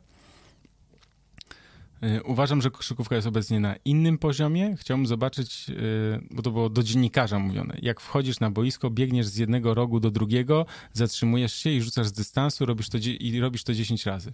Po czymś takim chciałbym, żebyś skupił się na tym, jak jesteś zmęczony, ponieważ zawodnicy w NBA robią to przez 48 minut. Nie sądzę, aby zawodnicy sprzed 20 lat dali radę grać w ten sposób, powiedział Kevin Garnett. I teraz na obronę, że kiedyś to było. Yy, 20 lat temu w defensywie można było pomagać sobie rękami, dzisiaj jest to zabronione. To sprawia, że współczesna obrona jest prawie niemożliwa. Wyobraź sobie nie używać rąk przeciwko Michaelowi Jordanowi. Dziś nie możesz dotykać gracza ataku, to daje im obecnie ogromne możliwości i przewagę. No i tam potem jeszcze mówi o zrewolucjonizowaniu mm, koszykówki, y, jak to Nikola Jokic jest jakby następcą Dirka Nowickiego, jak Steph Curry odmienił ligę, jak teraz jest ogromna konkurencja, y, jak Clay Thompson jest świetny i Steph Curry i Damian Lillard i tak dalej, i tak dalej. W każdym razie jego, y, jakby nasze też do temat główny do tej dyskusji, że kiedyś to było, wiele osób tak mówi, że kiedyś to można było bronić. No, Natomiast ja tu- ja- Kevin Garnett, poczekaj, ja tylko dokończę, Mhm. Kevin Garnett mówi, stary, możecie sobie tak mówić, natomiast ja uważam, że ci goście, którzy grali 20-30 lat temu, nie poradziliby sobie we współczesnym baskecie. Proszę. Mm. Huh, od czego to zacząć? Zacznę od tego, że jeszcze, e, bo poprzednio też mieliśmy z Dino Radzi cytat, e, który mówił o tym, że jak e, powiedzmy 30 lat temu, czy 20 parę lat temu chciałeś wejść pod kosz, to, to zaraz twoja głowa turlała się zaraz za piłką, bo, bo tam rzeczywiście była tak twarda gra, o jakiej dzisiaj ci chłoptasie biegający po parkiecie nie mają pojęcia. Mhm. Natomiast musimy odczarować kilka rzeczy ja zgadzam się z Kevinem e, Garnetem, że e, ówcześni zawodnicy, gdybyś ich wyjął, wiesz, w 95 i przeniósł do 2021 i wstawił na parkiet, by sobie nie poradzili. Natomiast, no dajmy im szansę. Znaczy, Michael Jordan gdyby grał w dzisiejszych czasach, to by był tak samo świetnie przygotowany fizycznie jak LeBron James, bo mamy inne czasy, inną w ogóle opiekę nad zawodnikami, sprawy z, yy, wiesz, żywienia, yy, fizjoterapii i tak dalej. Po prostu każdy zawodnik jest lepiej fizycznie przygotowany. To się w najprostszy sposób yy, uwidacznia w ten, że po prostu grają dłużej, tak? Dzisiaj nikogo już nie dziwi, że ktoś gra do 40 na takim poziomie jak LeBron James. No tak, ale Michael i LeBron to są ewenementy, mówimy o... Ale generalnie, generalnie dzisiaj wszyscy do gry na tym poziomie są lepiej przygotowani niż w latach 90. i ja się z tym zgadzam. Natomiast gdyby tamtych zawodników gdyby oni się urodzili w dzisiejszych czasach, no to też byliby lepiej no tak, zaopiekowani, bo... lepiej mhm. odżywieni, lepiej przygotowani. To jest tak samo jak pytanie, czy Michael Jordan y, przy dzisiejszej obronie rzucałby po 50 punktów. No właśnie tutaj jeden z naszych widzów to napisał. Bo to jest pytanie, które się mnóstwo razy widziałem i, i, i się nad tym zastanawiałem i mi się wydaje, a fanem Michaela Jordana jestem wielkim, że byłby mniej więcej na tym poziomie jak w latach 90., że okej, okay, nie ma, e, no bo tutaj są dwie kwestie, ten hand checking i, i obrona strefowa, czy brak obrony strefowej, mhm. E, więc oczywiście zupełnie inna obrona dzisiaj, teoretycznie dla Michaela Jordana łatwiejsza, bo nie można bronić rękami, natomiast przez te 20 lat do zmieniających się przepisów e, trenerzy też się przygotowali dzisiaj mamy zaawansowane systemy obronne. To nie jest bronienie jeden na jeden, to są całe systemy. I te systemy też by były wynajdywane na Michaela Jordana. Michael Jordan oczywiście był genialnym koszykarzem i też takim, można powiedzieć, prekursorem właśnie tego, szczególnie przy tych trzech ostatnich tytułach, e, kiedy on właśnie postawił na to, żeby być długowiecznym, żeby przygotować swoje ciało odpowiednio do tego, e, właśnie dodać do tego odpowiednie żywienie, treningi i tak dalej, indywidualne. E, I w dzisiejszych czasach Michael Jordan myślę, że wyglądałby podobnie jak w latach 90. Znaczy nie byłby gorszy, e, nie byłby też gościem, który rzuca po 50 punktów, pewnie rzucałby po 30 kilka punktów, pewnie nauczyłby się też lepiej rzucać za 3 punkty, bo też pamiętajmy o tym, że wielu tych czołowych zawodników, chyba takim ostatnim wielkim był Kobe Bryant, nie rzucało aż tak dobrze za 3 punkty, dlatego że te rzuty za 3 punkty nie odgrywały wtedy w NBA e, takiej roli. Więc jakby tu musimy zastrzec. Zmieniały się przepisy, zmieniały się czasy. Jeśli wyjmiemy sam czysty talent, to nie mam mm, żadnych wątpliwości, że Michael Jordan poradziłby sobie na podobnym poziomie w dzisiejszej NBA. E, Reggie Miller poradziłby sobie spokojnie w dzisiejszej NBA i John Stockton by sobie poradził w dzisiejszej NBA. Mam wrażenie, że mogliby sobie nie poradzić ci wielcy centrzy, e, którzy byli stworzeni tylko do, do bronienia e, i, i, nie mieli w ataku do zaoferowania nic. Do, byli tylko po to, żeby rzeczywiście stać e, w pomalowanym i, i, i ścinać głowy, jak mówi Dino Radzia. I to, to jest jedyny, jedyna różnica. No ale wtedy też szukano takich zawodników, no, grano taki bardziej był, siłowe. Taki był styl grania, był, tak? Taki był styl grania, pozwalano na więcej, bo bo dzisiaj nie ma bujek. No ale też takie są przepisy, że jak tylko do jakiejkolwiek szamotaniny zaczyna dochodzić, no to od razu jest dziękuję, do widzenia, wszyscy, wiesz, faule techniczne e, proszę wyjść z hali. E, Moim zdaniem, to co mówisz, w sensie to co Dino Radzia mówił, moim zdaniem to jak komuś urwiesz głowę, to to nie jest obrona. I teraz takie mówienie, że... Mm, wiesz, że no jak tam ograłby mnie raz, to w następnej akcji bym tak, tak przywalił, żeby nie ten, wiesz, znaczy to nie jest koszykówka, to nie jest obrona, to nie jest sport. Wiesz, no to jest trochę tak, że, znaczy, okej, okay, są faule, ale jak chcesz sportowej rywalizacji, uczciwej sportowej rywalizacji, to nie robisz takich numerów, że wiesz, bierzesz zawodnika, nie wiem, jako dwunastego i mówisz mu, słuchaj, to jak tam Michael Jordan rzuci tam już trzy razy, to wtedy ty mu wyjdź i tam, wiesz, przywal mu tam i nie wiem, niech kontuzji mm. dozna, tak? Znaczy, to, to nie jest koszykówka, to nie jest sport, to jest, to jest bandyterka po prostu, tak? Więc jakby też takie mówienie o tym, że, kto, że jakbym nie ograł trzy razy, to mu łeb urwał. No jakbyś mu łeb urwał, to by cię liga zawiesiła, bo też NBA to, to zrobiło, tak? Też zmieniło te przepisy i też jakby za takie brutalne faule czy brutalne zagrania, celowe zwłaszcza, tak? Bo potem są to, jest to ocenianie i tak dalej.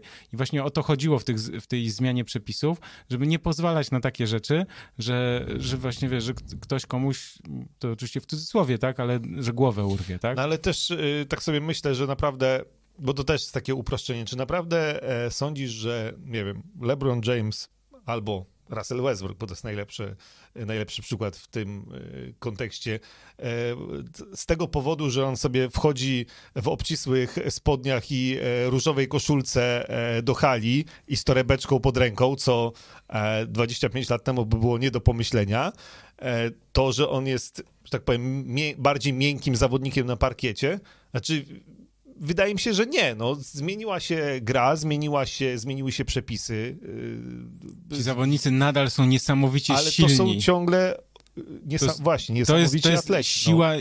siła połączona z atletyzmem, bo kiedyś, kiedyś to było tak, że grać podkoszowy, nawet, nawet nie tylko piątka, ale i czwórka, to były tak zwane kloce po prostu, wielkie, wielcy no i tak goście. grali bad boys, jak tutaj podpowiada. No oczywiście, że tak. No, tak. Korzystano z tego, co było dozwolone. No, korzystano z bronienia Ale też to, co myślę, że warto podkreślić, że wtedy nie było takiej specjalizacji, czyli takiej perfekcji w pewnych elementach gry. To znaczy, yy, dzisiaj ja zawsze przypominam to i już też to mówiłem. Yy, Rafał Juć opowiadał, jak to trening Denver Nuggets trwał kiedyś, 45 minut takiego rzucania, biegania, taki drillik, co tam wiesz, na dwie piłeczki tutaj i tak dalej. I po prostu musisz przebiec na drugą stronę boiska, dostajesz jedno podanie z jednej strony, drugie z drugiej, środkowy wjeżdża yy, środkiem, nieważne. Chodzi o to, że tam jest 45 minut rzucania z pół dystansu i z dystansu. I tam przez 45 minut nie ma niecelnego rzutu. Wiesz, chodzi mi o to, że dzisiaj w NBA ci zawodnicy, którzy są, grają, nie wiem, w pierwszej piątce, większość, tak, znaczna większość, czy są zmiennikami, że wchodzą i tak dalej, to są zawodnicy, jak im zostawisz 20 centymetrów wolnego, to oni każdy rzut trafią. Jest po prostu, to się mówi, że tak jak Phoenix Suns było taką drużyną, teraz jest tylko oczywiście potem, nie wiem, Houston Rockets, tak, ale ja pamiętam nawet Phoenix Suns ze Steve'em Nashem jeszcze, tak, że to drużyna, która po prostu jak tylko było, każdy miał odrobinę wolnego miejsca, to rzucał, bo ta perfekcja, w sensie to dojście do takiej perfekcji, jeśli chodzi o rzuty, to, to było po prostu to, co, co, co należy wykorzystywać. Kiedyś tak nie było, nie było aż tylu y, wybitnych strzelców. Oni byli oczywiście, tak? Natomiast y, to jest jedna rzecz, a też druga rzecz jest taka, że dziś zawodnicy są moim zdaniem jeszcze bardziej wszechstronni. To znaczy bardziej wszechstronni.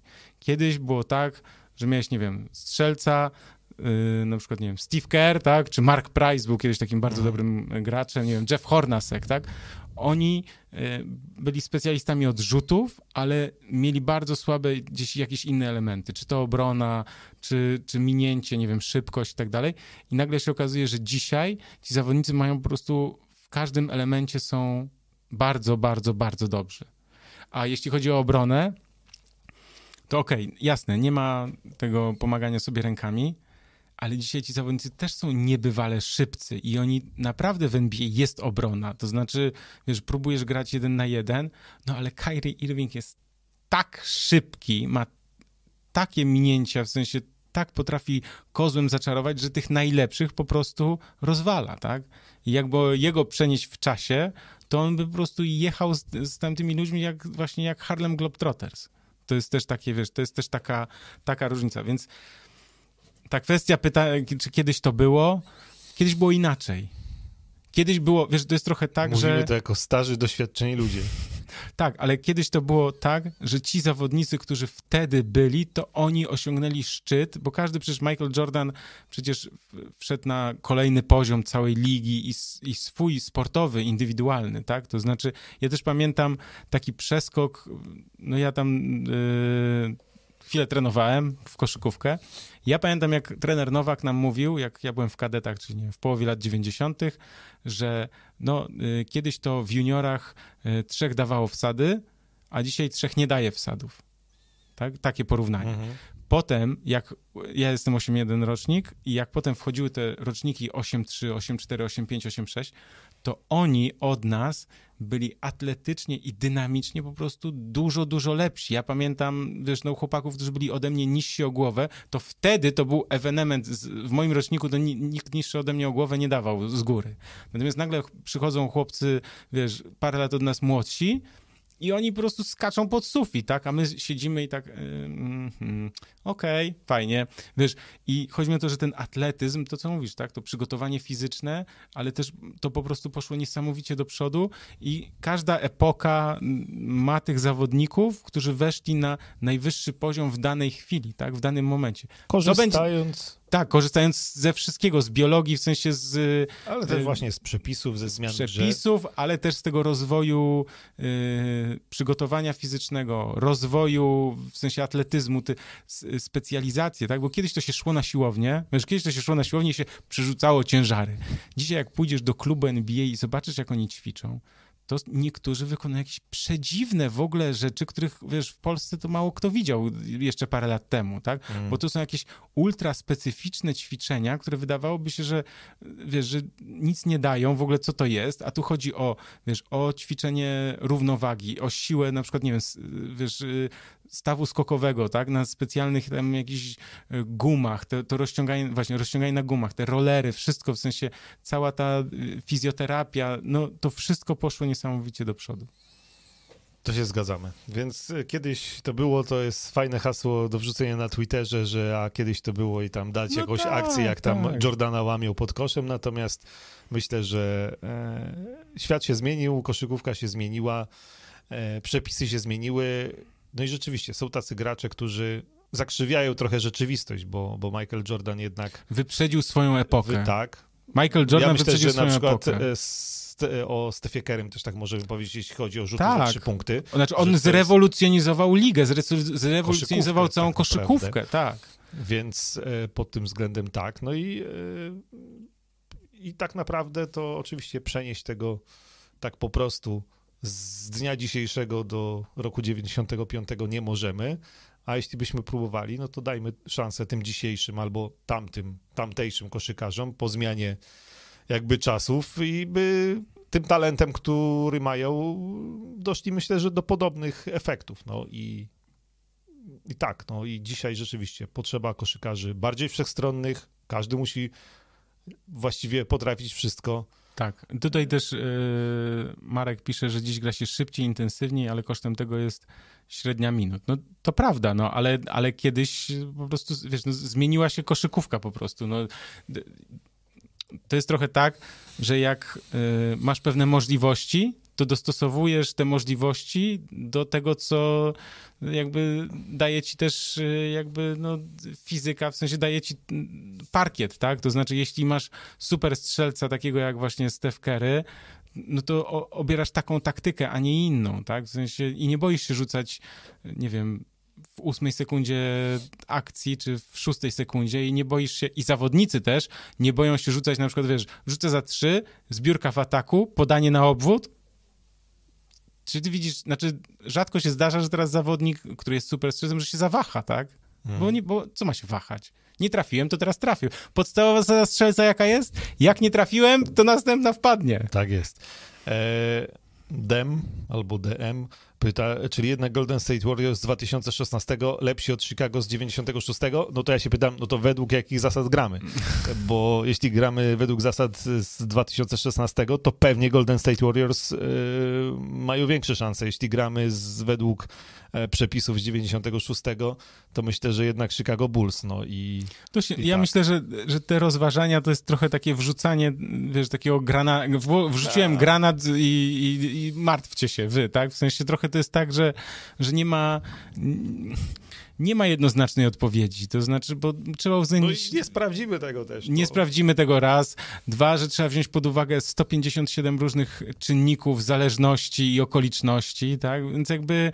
Yy czy można mówić, że kiedyś to było, kiedyś też było, kiedyś też było fantastycznie, tylko że było po prostu inaczej, bo były pewne różne ograniczenia, tak? A dochodzi nam jeszcze właśnie czas, który minął i sentyment się nabudował. O, oczywiście, słuchaj, no to też jest to takie. jest związane z innymi fajnymi rzeczami w życiu i dlatego... Tak, no kiedyś to było, słuchaj, w latach 90. wszyscy Tak. mieliśmy buty do kosza też do chodzenia, wszyscy nosili, nie wiem, czapki, kurtki, to był fenomen i tak dalej, i tak dalej. Jaraliśmy się po prostu, byle zawodnik z NBA jak przyjechał do Polski, to było wow. Tak? W sensie, wiesz, nie wiem, Antonio Harvey w Polonii, nie mówiąc tam Richard Dumas na przykład, tak? No wiesz, więc jakby, okej, jasne, to, to, to jest to. Natomiast to, co ja bym jeszcze chciał podkreślić, taką jedną rzecz, ja, co też mogę się narazić, wiem, rozumiem, yy, przyjmuję, natomiast dla mnie bardzo ważne jest to, że ta koszykówka poszła właśnie od tego na zasadzie urwę ci łeb, do jednak uczciwszych zasad yy, fair play, żeby to się rozegrało na boisku według jednak zasad przepisów koszykówki, a nie według hamowy, y, wiesz, kto komu przypierdzieli po prostu, tak? Mm. Jest w... Przypomniało mi się a propos Denisa Rodmana, ale w książce e, Kobiego Bryanta, Amamba Mentality, bo tam jest dużo zdjęć specjalnie wybranych przez Kobiego i jest właśnie jego zdjęcie z Denisem Rodmanem, e, tak e, przytuleni mocno do siebie, walcząc o pozycję. To e, właśnie nam Kobi napisał coś takiego, że Denis Rodman był mistrzem e, zadawania ciosów, których nie były w stanie złapać e, żadne kamery, a tym bardziej sędziowie. No, to, I Słuchaj, John z a John Stockton, John Stockton też był takim graczem, który po prostu, wiesz, jak nikt nie widział, to, to wiesz, to łokietka sprzedawał pod żebra podobno, wiesz, no więc jakby też wcześniej nie było takich możliwości, VHS-em tego nie wychwycisz, tak, dzisiaj masz powtórki, wiesz, no świat poszedł do przodu, no więc jakby to jest jedna rzecz. Tutaj y, Marcin pisze, że Jordan rzucałby po, średnio po 45, Ja, myślę, ja nie wiem, czy by przy- fizycznie dawał radę, to znaczy są też pewne ograniczenia, nawet jakbyś ty poszedł grać, nie wiem, z, z dziećmi, tak, i miał nad nimi ogromną przewagę, to też byś się zmęczył w pewnym momencie i nie dałbyś rady rzucać średnio 100 punktów, tak? Wiesz, wiesz co mi chodzi, że, że to nie, też, ja też, też ja, to trzeba ja wziąć raczej, pod uwagę. Raczej, yy, raczej jestem za tym, żeby rzucał w okolicach 30 paru 30 punktów. 30, tak, tak, tak, no. tak, jak, jak Zależy jaką miał 90. drużynę, zależy jaką Myślę, miał że partnerów, e, tak? częściej zdarzałoby mu się, znaczy byłaby większa szansa na to, żeby Jordan zrobił w jakimś meczu coś w stylu tam 81 punktów Kobiego, czy No tak. w takich pojedynczych występach, bo, bo jednak e, aż tylu punktów w jednym meczu nie rzucił. Barcelona PSG 1-4. Świetnie. No to już Nie chyba- jak, ale już- dobrze, dobrze koniec. przeczytałem nazwę? PSG? E, Brawo. E, Paris Saint-Germain. To już koniec Messiego w Barcelonie jednak. On po tym sezonie musi odejść. Tam już się nic dobrego nie wydarzy. Przepisy koszykówki, może coś o krokach i noszeniu piłki. E, O Jezu, bo to ja ostatnio dodawałem, Ja nawet y, jeden z to sędziów jest- się do mnie odezwał, nie powiem który, bo za kontakt ze mną przecież jest, No wiesz, tak. kara chłosty. E, polskich sędziów, no. Tak, natomiast y, no jest coś takiego w NBA. Musielibyśmy mieć wideo i to pokazywać, tak? To znaczy o Lebronie mówimy. o Lebronie, ale też, no tak, ale wcześniej o Hardenie też na przykład, wiesz, Tak, o, no. Chodzi o to, że w, tak wprowadzono, pozmieniano przepisy parę lat temu, że jest y, krok zero tak zwany. Czyli jak kiedyś robiłeś dwutak, to mogłeś zrobić dwa kroki, a teraz jest tak, że jak złapałeś piłkę i twoja noga była na parkiecie, to możesz zrobić jeszcze dwa Krok kroki. zero. Czyli masz krok zerowy jakby i robisz dwa kroki. Co bardzo często wygląda, jakbyś zrobił trzy kroki. I tak te przepisy pozmieniali. Ja jestem ich przeciwnikiem ze względu na to, że tak, namieszali zawodnikom, namieszali trenerom i kibicom i teraz sędziowie są też trochę ofiarami tego, bo nagle jak ktoś gwizdnie, to że nie było na przykład, tak, w sensie, albo że było, jest strasznie duże pole do interpretacji, nie mówię manipulacji, ale interpretacji. I też kibice tego nie rozumieją. I to wywołuje, wiesz, to, że zmienili przepisy, to jakby nie zmienia fakt na to, że jak my przez 30 lat oglądaliśmy coś, to teraz No to- dla nas jest to... Ja wiem, no ja wrzuciłem tego Lebrona. E... Nie no, LeBron nam zrobił dwa razy kroki. E, No tak, no i, i oczywiście dostałem mnóstwo em, wiadomości, że tam odpisało mnóstwo osób, że to jest wszystko zgodnie z przepisami. No ja rozumiem, że mu tego nie gwizdnęli i że on był w koźle podczas tych e, pierwszych kroków, że ten kozioł po prostu w porównaniu z tym jego biegiem to trwał mega wolno i później był krok zero i później był dwutak i to wszystko właściwie było pięciotaktem na trzech czwartych boiska. Inna sprawa, że rzeczywiście tam, o, nie wiem, co obrona robiła, bo wszyscy stali się patrzyli, a on sobie biegł przez pół boiska. Wiesz, co ci powiem? Ale, Ja też bym się odsunął. no, ale, ej, no ja, no, ja wszystko rozumiem. Zgodnie z przepisami, okej, tylko sorry, jak, może jestem stary, ale jak ja to widzę, to mówię od razu kroki. No, no, ej, no kroki, no i koniec. Znaczy, no, tam i- były kroki w pierwszej akcji, bo on tak złapał piłkę, zrobił zwód, zrobił krok i dopiero zrobił kozioł, a potem tak wypuścił piłkę, zrobił kolejne raz, dwa, złapał piłkę i raz, dwa i wsadził. Okej, wiesz, no nie gwiznęli, więc nie było. No nie, no tak, no, ale to, w, a przynajmniej w tej kwestii y, możemy powiedzieć, że kiedyś to było i jednak ja wolałem tak, ale jeśli, kroków. wiesz co, bo to chodzi o to, że idea jest też taka, że mamy podnieść widowiskowość, żeby ta koszykówka, żeby było więcej punktów, po to też była ta zmiana w obronie, tak, te, Mhm. te, bo to przyciąga kibiców i tak dalej.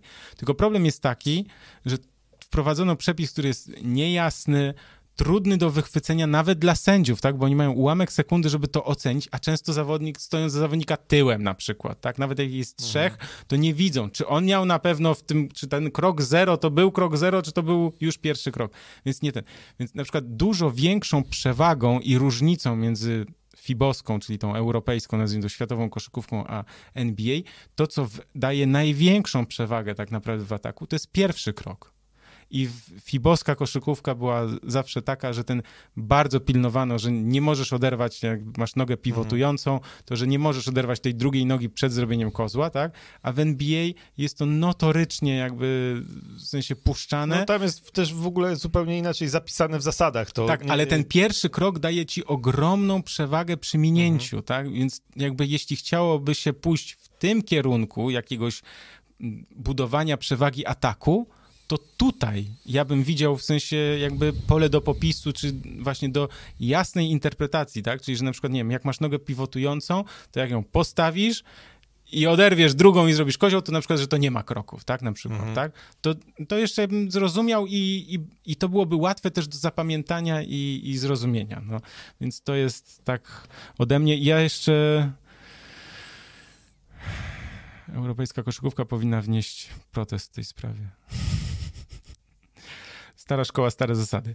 I są nowe jakieś ustalenia. Na probaskecie jest news odnośnie meczu gwiazd. Ja go tutaj link właśnie wrzucam na czat, ale z tego co patrzę, bo mam jeszcze tylko parę minut, że e, no bezpieczeństwo, tak, że co, nie będzie.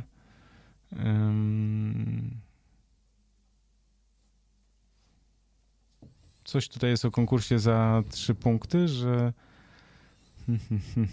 Czekaj, bo sz- szybko sobie zerkam, bo tutaj jaką mamy informację, że,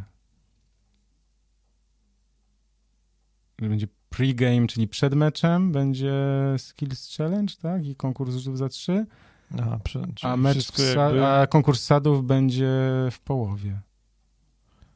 Dobra, no plus jest taki, że wszystko jakby... W jednym momencie, tak, w jednym momencie, czasie nie będzie i tak dalej, tak? na dwa dni, czy tam trzy dni, licząc jak to było do tej pory, więc pod tym względem też jak za starych, dobrych czasów raz się siądzie, wszystko załatwi. Dobrze. No, Okej, To żeby, żeby skrócik był, tak? tak jest. Ym, Ja jeszcze mam taką informację yy, odnośnie yy, takich ciekawostek, yy, co można na probaskecie przeczytać. To yy, firma Converse świętuje 130 lat uu, no, łamania barier w koszykówce. Konwersy. Miałeś kiedyś konwersy? Oczywiście, że miałem kiedyś, to było marzeniem mieć konwersy. E, natomiast no, Converse, jak i wiele innych marek, przegrało z panem Michaelem Jordanem i Nike'iem. Że tak powiem. No tak, ale, ale w koszykówce, w ale, koszykówce, jakby, ale jest ale- obecna w, Tak, i w, poszło w tym jest- kierunku takiej mody, nazwijmy to, około sportowej. I, y, że tak powiem, klasik trampki są cały czas na topie i to akurat pod tym względem spoko. Tak, a na ProBaskecie możecie zobaczyć, jak to ten but ewoluował, bo też przypomnijmy, że kiedyś w kosza, jak nie było firmy Nike, to się grało w konwersach. Tak? Ja Za- ja jeszcze- pamiętam, jak Jerzy Szambelan opowiadał, że on to sobie z Niemiec przywiózł No. konwersy i proszę pana, no to to było w ogóle w latach 70. to wow, to przecież to, to ludzie to czegoś takiego nie, nie mieli, a on sobie grał w konwersach. No. No właśnie, widzisz, więc tutaj jest, bardzo fajna jest też właśnie ta ewolucja, jakie, jaką przeszły w ogóle wszystkie buty do koszykówki, tak? Pamiętamy też przecież, kiedy się zaczynał w trampkach, yy, to jeszcze nie za naszych czasów, tylko jeszcze wcześniej. Potem te buty były takie bardzo, bardzo wysokie, pamiętasz? Wszyscy Mhm. mieliśmy takie mega, buty za kostkę Tak, to do kosza. trzyma- żeby kostkę trzymało. Żeby kostkę trzymało, ale i tak jak trzeba było, to znaczy jak można, znaczy jak było niestety ten, to i tak się kostkę kręciło. E, No a potem już e, ta specjalizacja taka wyjątkowa, w sensie w tym kierunku, żeby tam te buty wymodelować, jakoś w sensie dopasować. Pamiętamy, że Kobe Bryant chciał w tych krótszych, tak, co też było też rewolucyjne, prawda, więc jakby Tak, a konwersy pamiętamy, to jeszcze raczej z czasów Magic Johnson, Larry Bird, obaj grali w konwersach, e, więc to też dobre, stare czasy NBA. Em, czy my na koniec życzenia będziemy składać? oczywiście musisz powiedzieć tak. Gdyż jutro, 17 lutego, e, obchodzą urodziny Marcin Gortat i Michael Jordan. I I moja żona, wszystkiego najlepszego, nie, to tam powinienem powiedzieć, wszystkiego najlepszego, kochanie. E, I ten. E, a wracając do Gortata i do Jordana, czyli e, mym skromnym zdaniem e, Michael Jordan, a tu sobie mogę powiedzieć, najlepszy w historii koszykarz, e, w ogóle koszykarz. Ja zastanawiam się, czy w ogóle sportowiec, człowiek, który zmienił nie tylko koszykówkę, ale myślę, że właśnie marketing sportowy, oczywiście nie sam, ale trafił na odpowiednich ludzi, na odpowiednie czasy. E, I naprawdę to, że Kevin Garnett przychodząc do ligi mógł sobie podpisać już tak wielki kontrakt, a dzisiaj te kontrakty są jakieś e, kosmicznie wysokie, to jest też zasługa Michaela Jordana i tego, jak on zmienił ligę. No i Marcin Gortat, który mm, no chyba możemy powiedzieć, że był najlepszym polskim koszykarzem, na pewno człowiekiem, który odniósł największy sukces y, za granicą. Już jakby nie, nie, nie chcę porównywać z y, Polakami z lat 60., którzy byli wicemistrzami Europy i tam z kadrą wygrali więcej. Natomiast coś takiego, co zrobił Marcin Gortat w NBA, e, czyli utrzymanie się przez tyle sezonów na naprawdę dobrym poziomie w najlepszej lidze świata, z naprawdę kilkoma fenomenalnymi meczami, które będziemy wspominać, to jest coś wielkiego i coś, czego Coś na co długo mam wrażenie będziemy musieli jeszcze poczekać, bo, e, no, bo to wstawa, wstawaliśmy po nocach, żeby oglądać Orlando Magic, Phoenix Suns, Washington Wizards.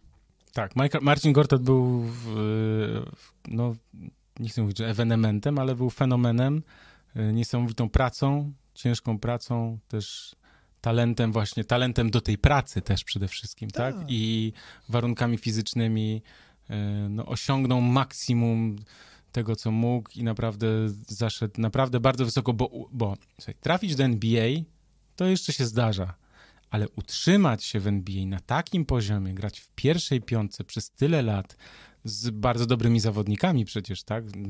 Wiadomo, że można powiedzieć, że nie wiem, Steve Nash pomógł w rozwoju jego kariery i tak dalej, ale jaki rozgrywający nie pomógł środkowemu, tak? Znaczy, żeby środkowy grał dobrze, w sensie mógł pokazać się z najlepszej strony, to musi mieć wybitnego rozgrywającego, też dobrego, tak? Więc jakby tutaj y, ogromne też szczęście Marcina i, i wielka kariera, myślę, że y, że na lata ją zapamiętamy. Jakby został w Polsce, to by pewnie został mechanikiem gdzieś na bałutach, a nie koszykarzem, bo przypominam, że jak wyjeżdżał stąd, to raczej powszechnie e, w polskich klubach był uważany za no dobra, jest wysoki, ale drewniany i zaczął trenować w wieku 17 lat, nic nie umie, na co nam on. Natomiast e, w Kolonii, przypominamy, e, trener Obradowicz i, i, i władze wtedy Rhein, coś tam, Energy. Energy, Kolonia to się nazywało, Chyba tak, bo tak, nawet w Eurolidze tak. grali, go przyjechali, ściągnęli, zrobili z niego koszykarza, wysłali za ocean. No i tam się co no, ciężka praca, praca, praca, poobijał się z Dwightem Howardem. Dzisiaj to się wszystko ładnie, fajnie opowiada, natomiast sam Marcin Gortat chyba najlepiej wie, ile pracy go to kosztowało, e, żeby osiągnąć to, co osiągnął, a osiągnął, mam wrażenie, naprawdę, naprawdę e, dużo. Tak jest. A Michael Jordan też życzy mu wszystkiego najlepszego. Ostatnio przekazał kolejne 10 chyba milionów dolarów, tak? Na... Mm, te swoje kliniki, tak? E, które buduje i rozwija, więc e, tak. Nie, z Michaelem Jordanem jeszcze raz to powtórzę, bo możemy się kłócić, naprawdę, znaczy nie ze mną za bardzo, ale możemy się kłócić, czy był jakiś lepszy koszykarz, nie wiem, z większymi osiągnięciami. Moim zdaniem nie. Czy sam wpływ Michaela Jordana na to, co zrobił na parkiecie, to już okay, jest wow. ale wiesz, że za, spotkamy się za kilka lat i będziemy mieli już zupełnie inną perspektywę na temat LeBrona tego. Jamesa? Tak. Być może, tylko właśnie jedna rzecz, to jest wiele rzeczy, ale wyjdźmy poza parkiet i Ale Jordan... nie można tak powiedzieć. No można. Nie, dlatego, że wtedy były inne czasy. Nie było mediów społecznościowych. Nie, no, no bo nie było mediów społecznościowych. Nie było tylu możliwości, nie Ale było takiego wszystko, zwyczaju, każdy tradycji. Każdy wiedział, kim jest Michael Jordan i każdy chciał być Michaelem Jordanem. On... Y zmieniał wszystko, jakby i od butów, które nagle no tak, były no. czerwone i zaczął na tym zarabiać, a przecież w konwersach to raczej się gra, tam Magic Johnson na 100 tysięcy bodajże miał kontrakt, tak? I to już było wow, bo dostawał pieniądze. E, natomiast to, co zrobił Nike z Jordanem, no to, to jest w ogóle historia marketingu sportowego, e, wpływu na media Michaela Jordana to, jak one go wypromowały, ale też jak on wykorzystał, no to, to jest 84 rok, to jest ESPN się pojawił, tak? No tak, tak, Jakby tak. Trafił idealnie e, i nawet przed erą mediów społecznościowych e, stał się absolutnie globalnym celebrytą i... Okej. Okay. I jakby nie, nie bo to jest dyskusja, jak kto był lepszy, wiesz, w polskich skokach, Adam Małysz czy Kamil Stoch. I weźmy, liczmy medale. No okej, okay, no możemy policzyć, że nie Stoch pojęcia, więcej nic, razy mistrzem nie, olimpijskim. Na Natomiast Adam Małysz trafił na takie czasy, że takich czasów już nie będzie. I po prostu zmienił absolutnie wszystko. Zmienił optykę. Żebron, Lebrik, to coś dla ciebie. Nie, ja doceniam Lebrona. Tylko takie komentarze są, ja, ja, ja tak nie uważam. Ja, ja doceniam, e... natomiast y, Michael Jordan, wydaje mi się, że w tym temacie to Okay. Nie zmienię Perspe perspektywa nie, lat nie, nie, też tego, jak ktoś dorastał w pewnym momencie, czy ktoś pamięta na przykład, na przykład lata 90. czy Wiesz, nie, tak? Mo możemy mówić, że e, dyskutować merytorycznie o obronie, tak jak zrobiliśmy przed chwilą, natomiast pozwól mi, że tu będę, w ogóle mogę być nieobiektywny. Michael Jordan i co lepsze na drugim miejscu Kobe Bryant i koniec i podejrzewam, że tych dwóch najwyższych miejsc, miejsc na moim podium ulubionych Ale to jest subiektywna opinia. To jest subiektywna. Kibicowska. Tak, natomiast no, co do Michaela Jordana i tego, że był najlepszym koszykarzem w historii, to jestem w stanie to bronić na tysiąc okay. argumentów. Więc... Dobra, powoli kończymy. Ja przypominam, że jeśli ktoś ma... No właśnie, uspokój no, się. Tak, ja się już tak, bo ja już się... Za dużo. Ja przypominam, że jeśli ktoś ma abonament w sieci Play, to może oglądać mecze NBA nawet przez 14 dni. Pierwsze 14 dni jest bezpłatne, więc można też tak skorzystać z tego, że sobie zamówić a potem wyłączyć i wtedy mamy przez dwa tygodnie League Passa za darmo, ale ja zachęcam oczywiście do posiadania League Passa y, dużo dłużej. Też oczywiście prosimy o te łapki w górę, bo mamy już dwie w dół. Nie, skandal. Skandal. I jeszcze jedna informacja taka w stylu ogłoszeń. To przypominam, że na ProBaskecie znajdziecie taką promocję Nike. Jeszcze chyba jeden dzień jest, a może jeszcze dwa? to trzeba sprawdzić. W każdym razie najeczki za połowę ceny właśnie wjechały. Jest ich, było ich tam bardzo dużo, jest teraz już troszkę mniej, ale też zachęcam do sprawdzenia tej promocji, bo można coś kupić za połowę ceny. W dobrej cenie. W dobrej cenie zawsze spoko. Y, tak, my wiemy, że spotkamy się kiedy? we wtorek 2 marca o godzinie 21, tak? Gdzieś miałem zapisane, chyba tak. Jak jeszcze spojrzę w kalendarz. Um, Że za dwa tygodnie. Za dwa tygodnie, 2 marca. Tak jest, 2 marca. Także y, to y, też y, będziemy mieli kolejne tematy, pewnie pewnie się dokona jakiś transfer, ale też ja też zachęcam, żebyście nam napisali, czy to w jakichś komentarzach tutaj, może pod filmem, czy gdzieś w mediach społecznościowych. Jeśli macie jakieś nie tyle pytania, co na przykład jakieś tematy ciekawe chcielibyście nam zaproponować do dyskusji. Ja wiem, że jeden temat mamy jeszcze do przegadania i to też y, zapomniałem o tym, teraz mi się przypomniało. Czy y, rozszerzenie NBA ma sens?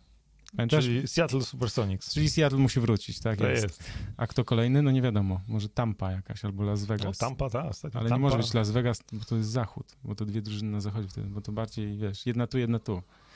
No dobra, yy, długo by gadać, 15 filmów o tym zrobiłem. przesunie. Przesu- no, no, no to już tak jakby historia zna takie przypadki. Yy, także to, yy, to tak. Czy my coś jeszcze chcieliśmy powiedzieć? Nie, no, 23, dwie idealnie, dwie godzinki. Yy, tak jest, to dobra. To, w- yy, że tak powiem, widzimy się za dwa tygodnie. Tak jest. E, Mamy oczywiście prośbę, jeśli wam się podobało, e, jeśli lubicie nas czasem e, pooglądać, posłuchać, to też podrzućcie e, link e, swoim znajomym, e, którzy też lubią koszykówkę, bo wiadomo, że im większe my mamy zasięgi, tym e, więcej, tym lepiej e, możemy to też robić, tym bardziej się możemy na tym e, skupić i rozwijać tutaj nasz lifeik tak zwany. Tak jest. Dobra, Ja pokiwam głową, że tak. tak jest. A więc tak, y, nagrywamy w Blaszach Studio, przypominam, w Starych Babicach pod Warszawą, jeśli ktoś by chciał, to też może tutaj skorzystać z takiej opcji. Widzimy się za dwa tygodnie. Jeśli ktoś chciałby też posłuchać w wersji audio, to też jest wersja audio, bo jeśli ktoś nas ogląda na żywo, to w opisie filmu zawsze są linki do e, wersji audio i też oczywiście dajcie mi chwilę, bo to się musi wyrenderować, potem trzeba wgrać, opisać i tak dalej, więc jeszcze chwila, ale też będzie e, wersja audio. Coś jeszcze pan chciałby dodać? Nie, to już chyba wszystko. Dobrze. Krzysztof Sendecki, Dziękuję bardzo. Michał Pacuda, dziękujemy bardzo i do zobaczenia, do usłyszenia.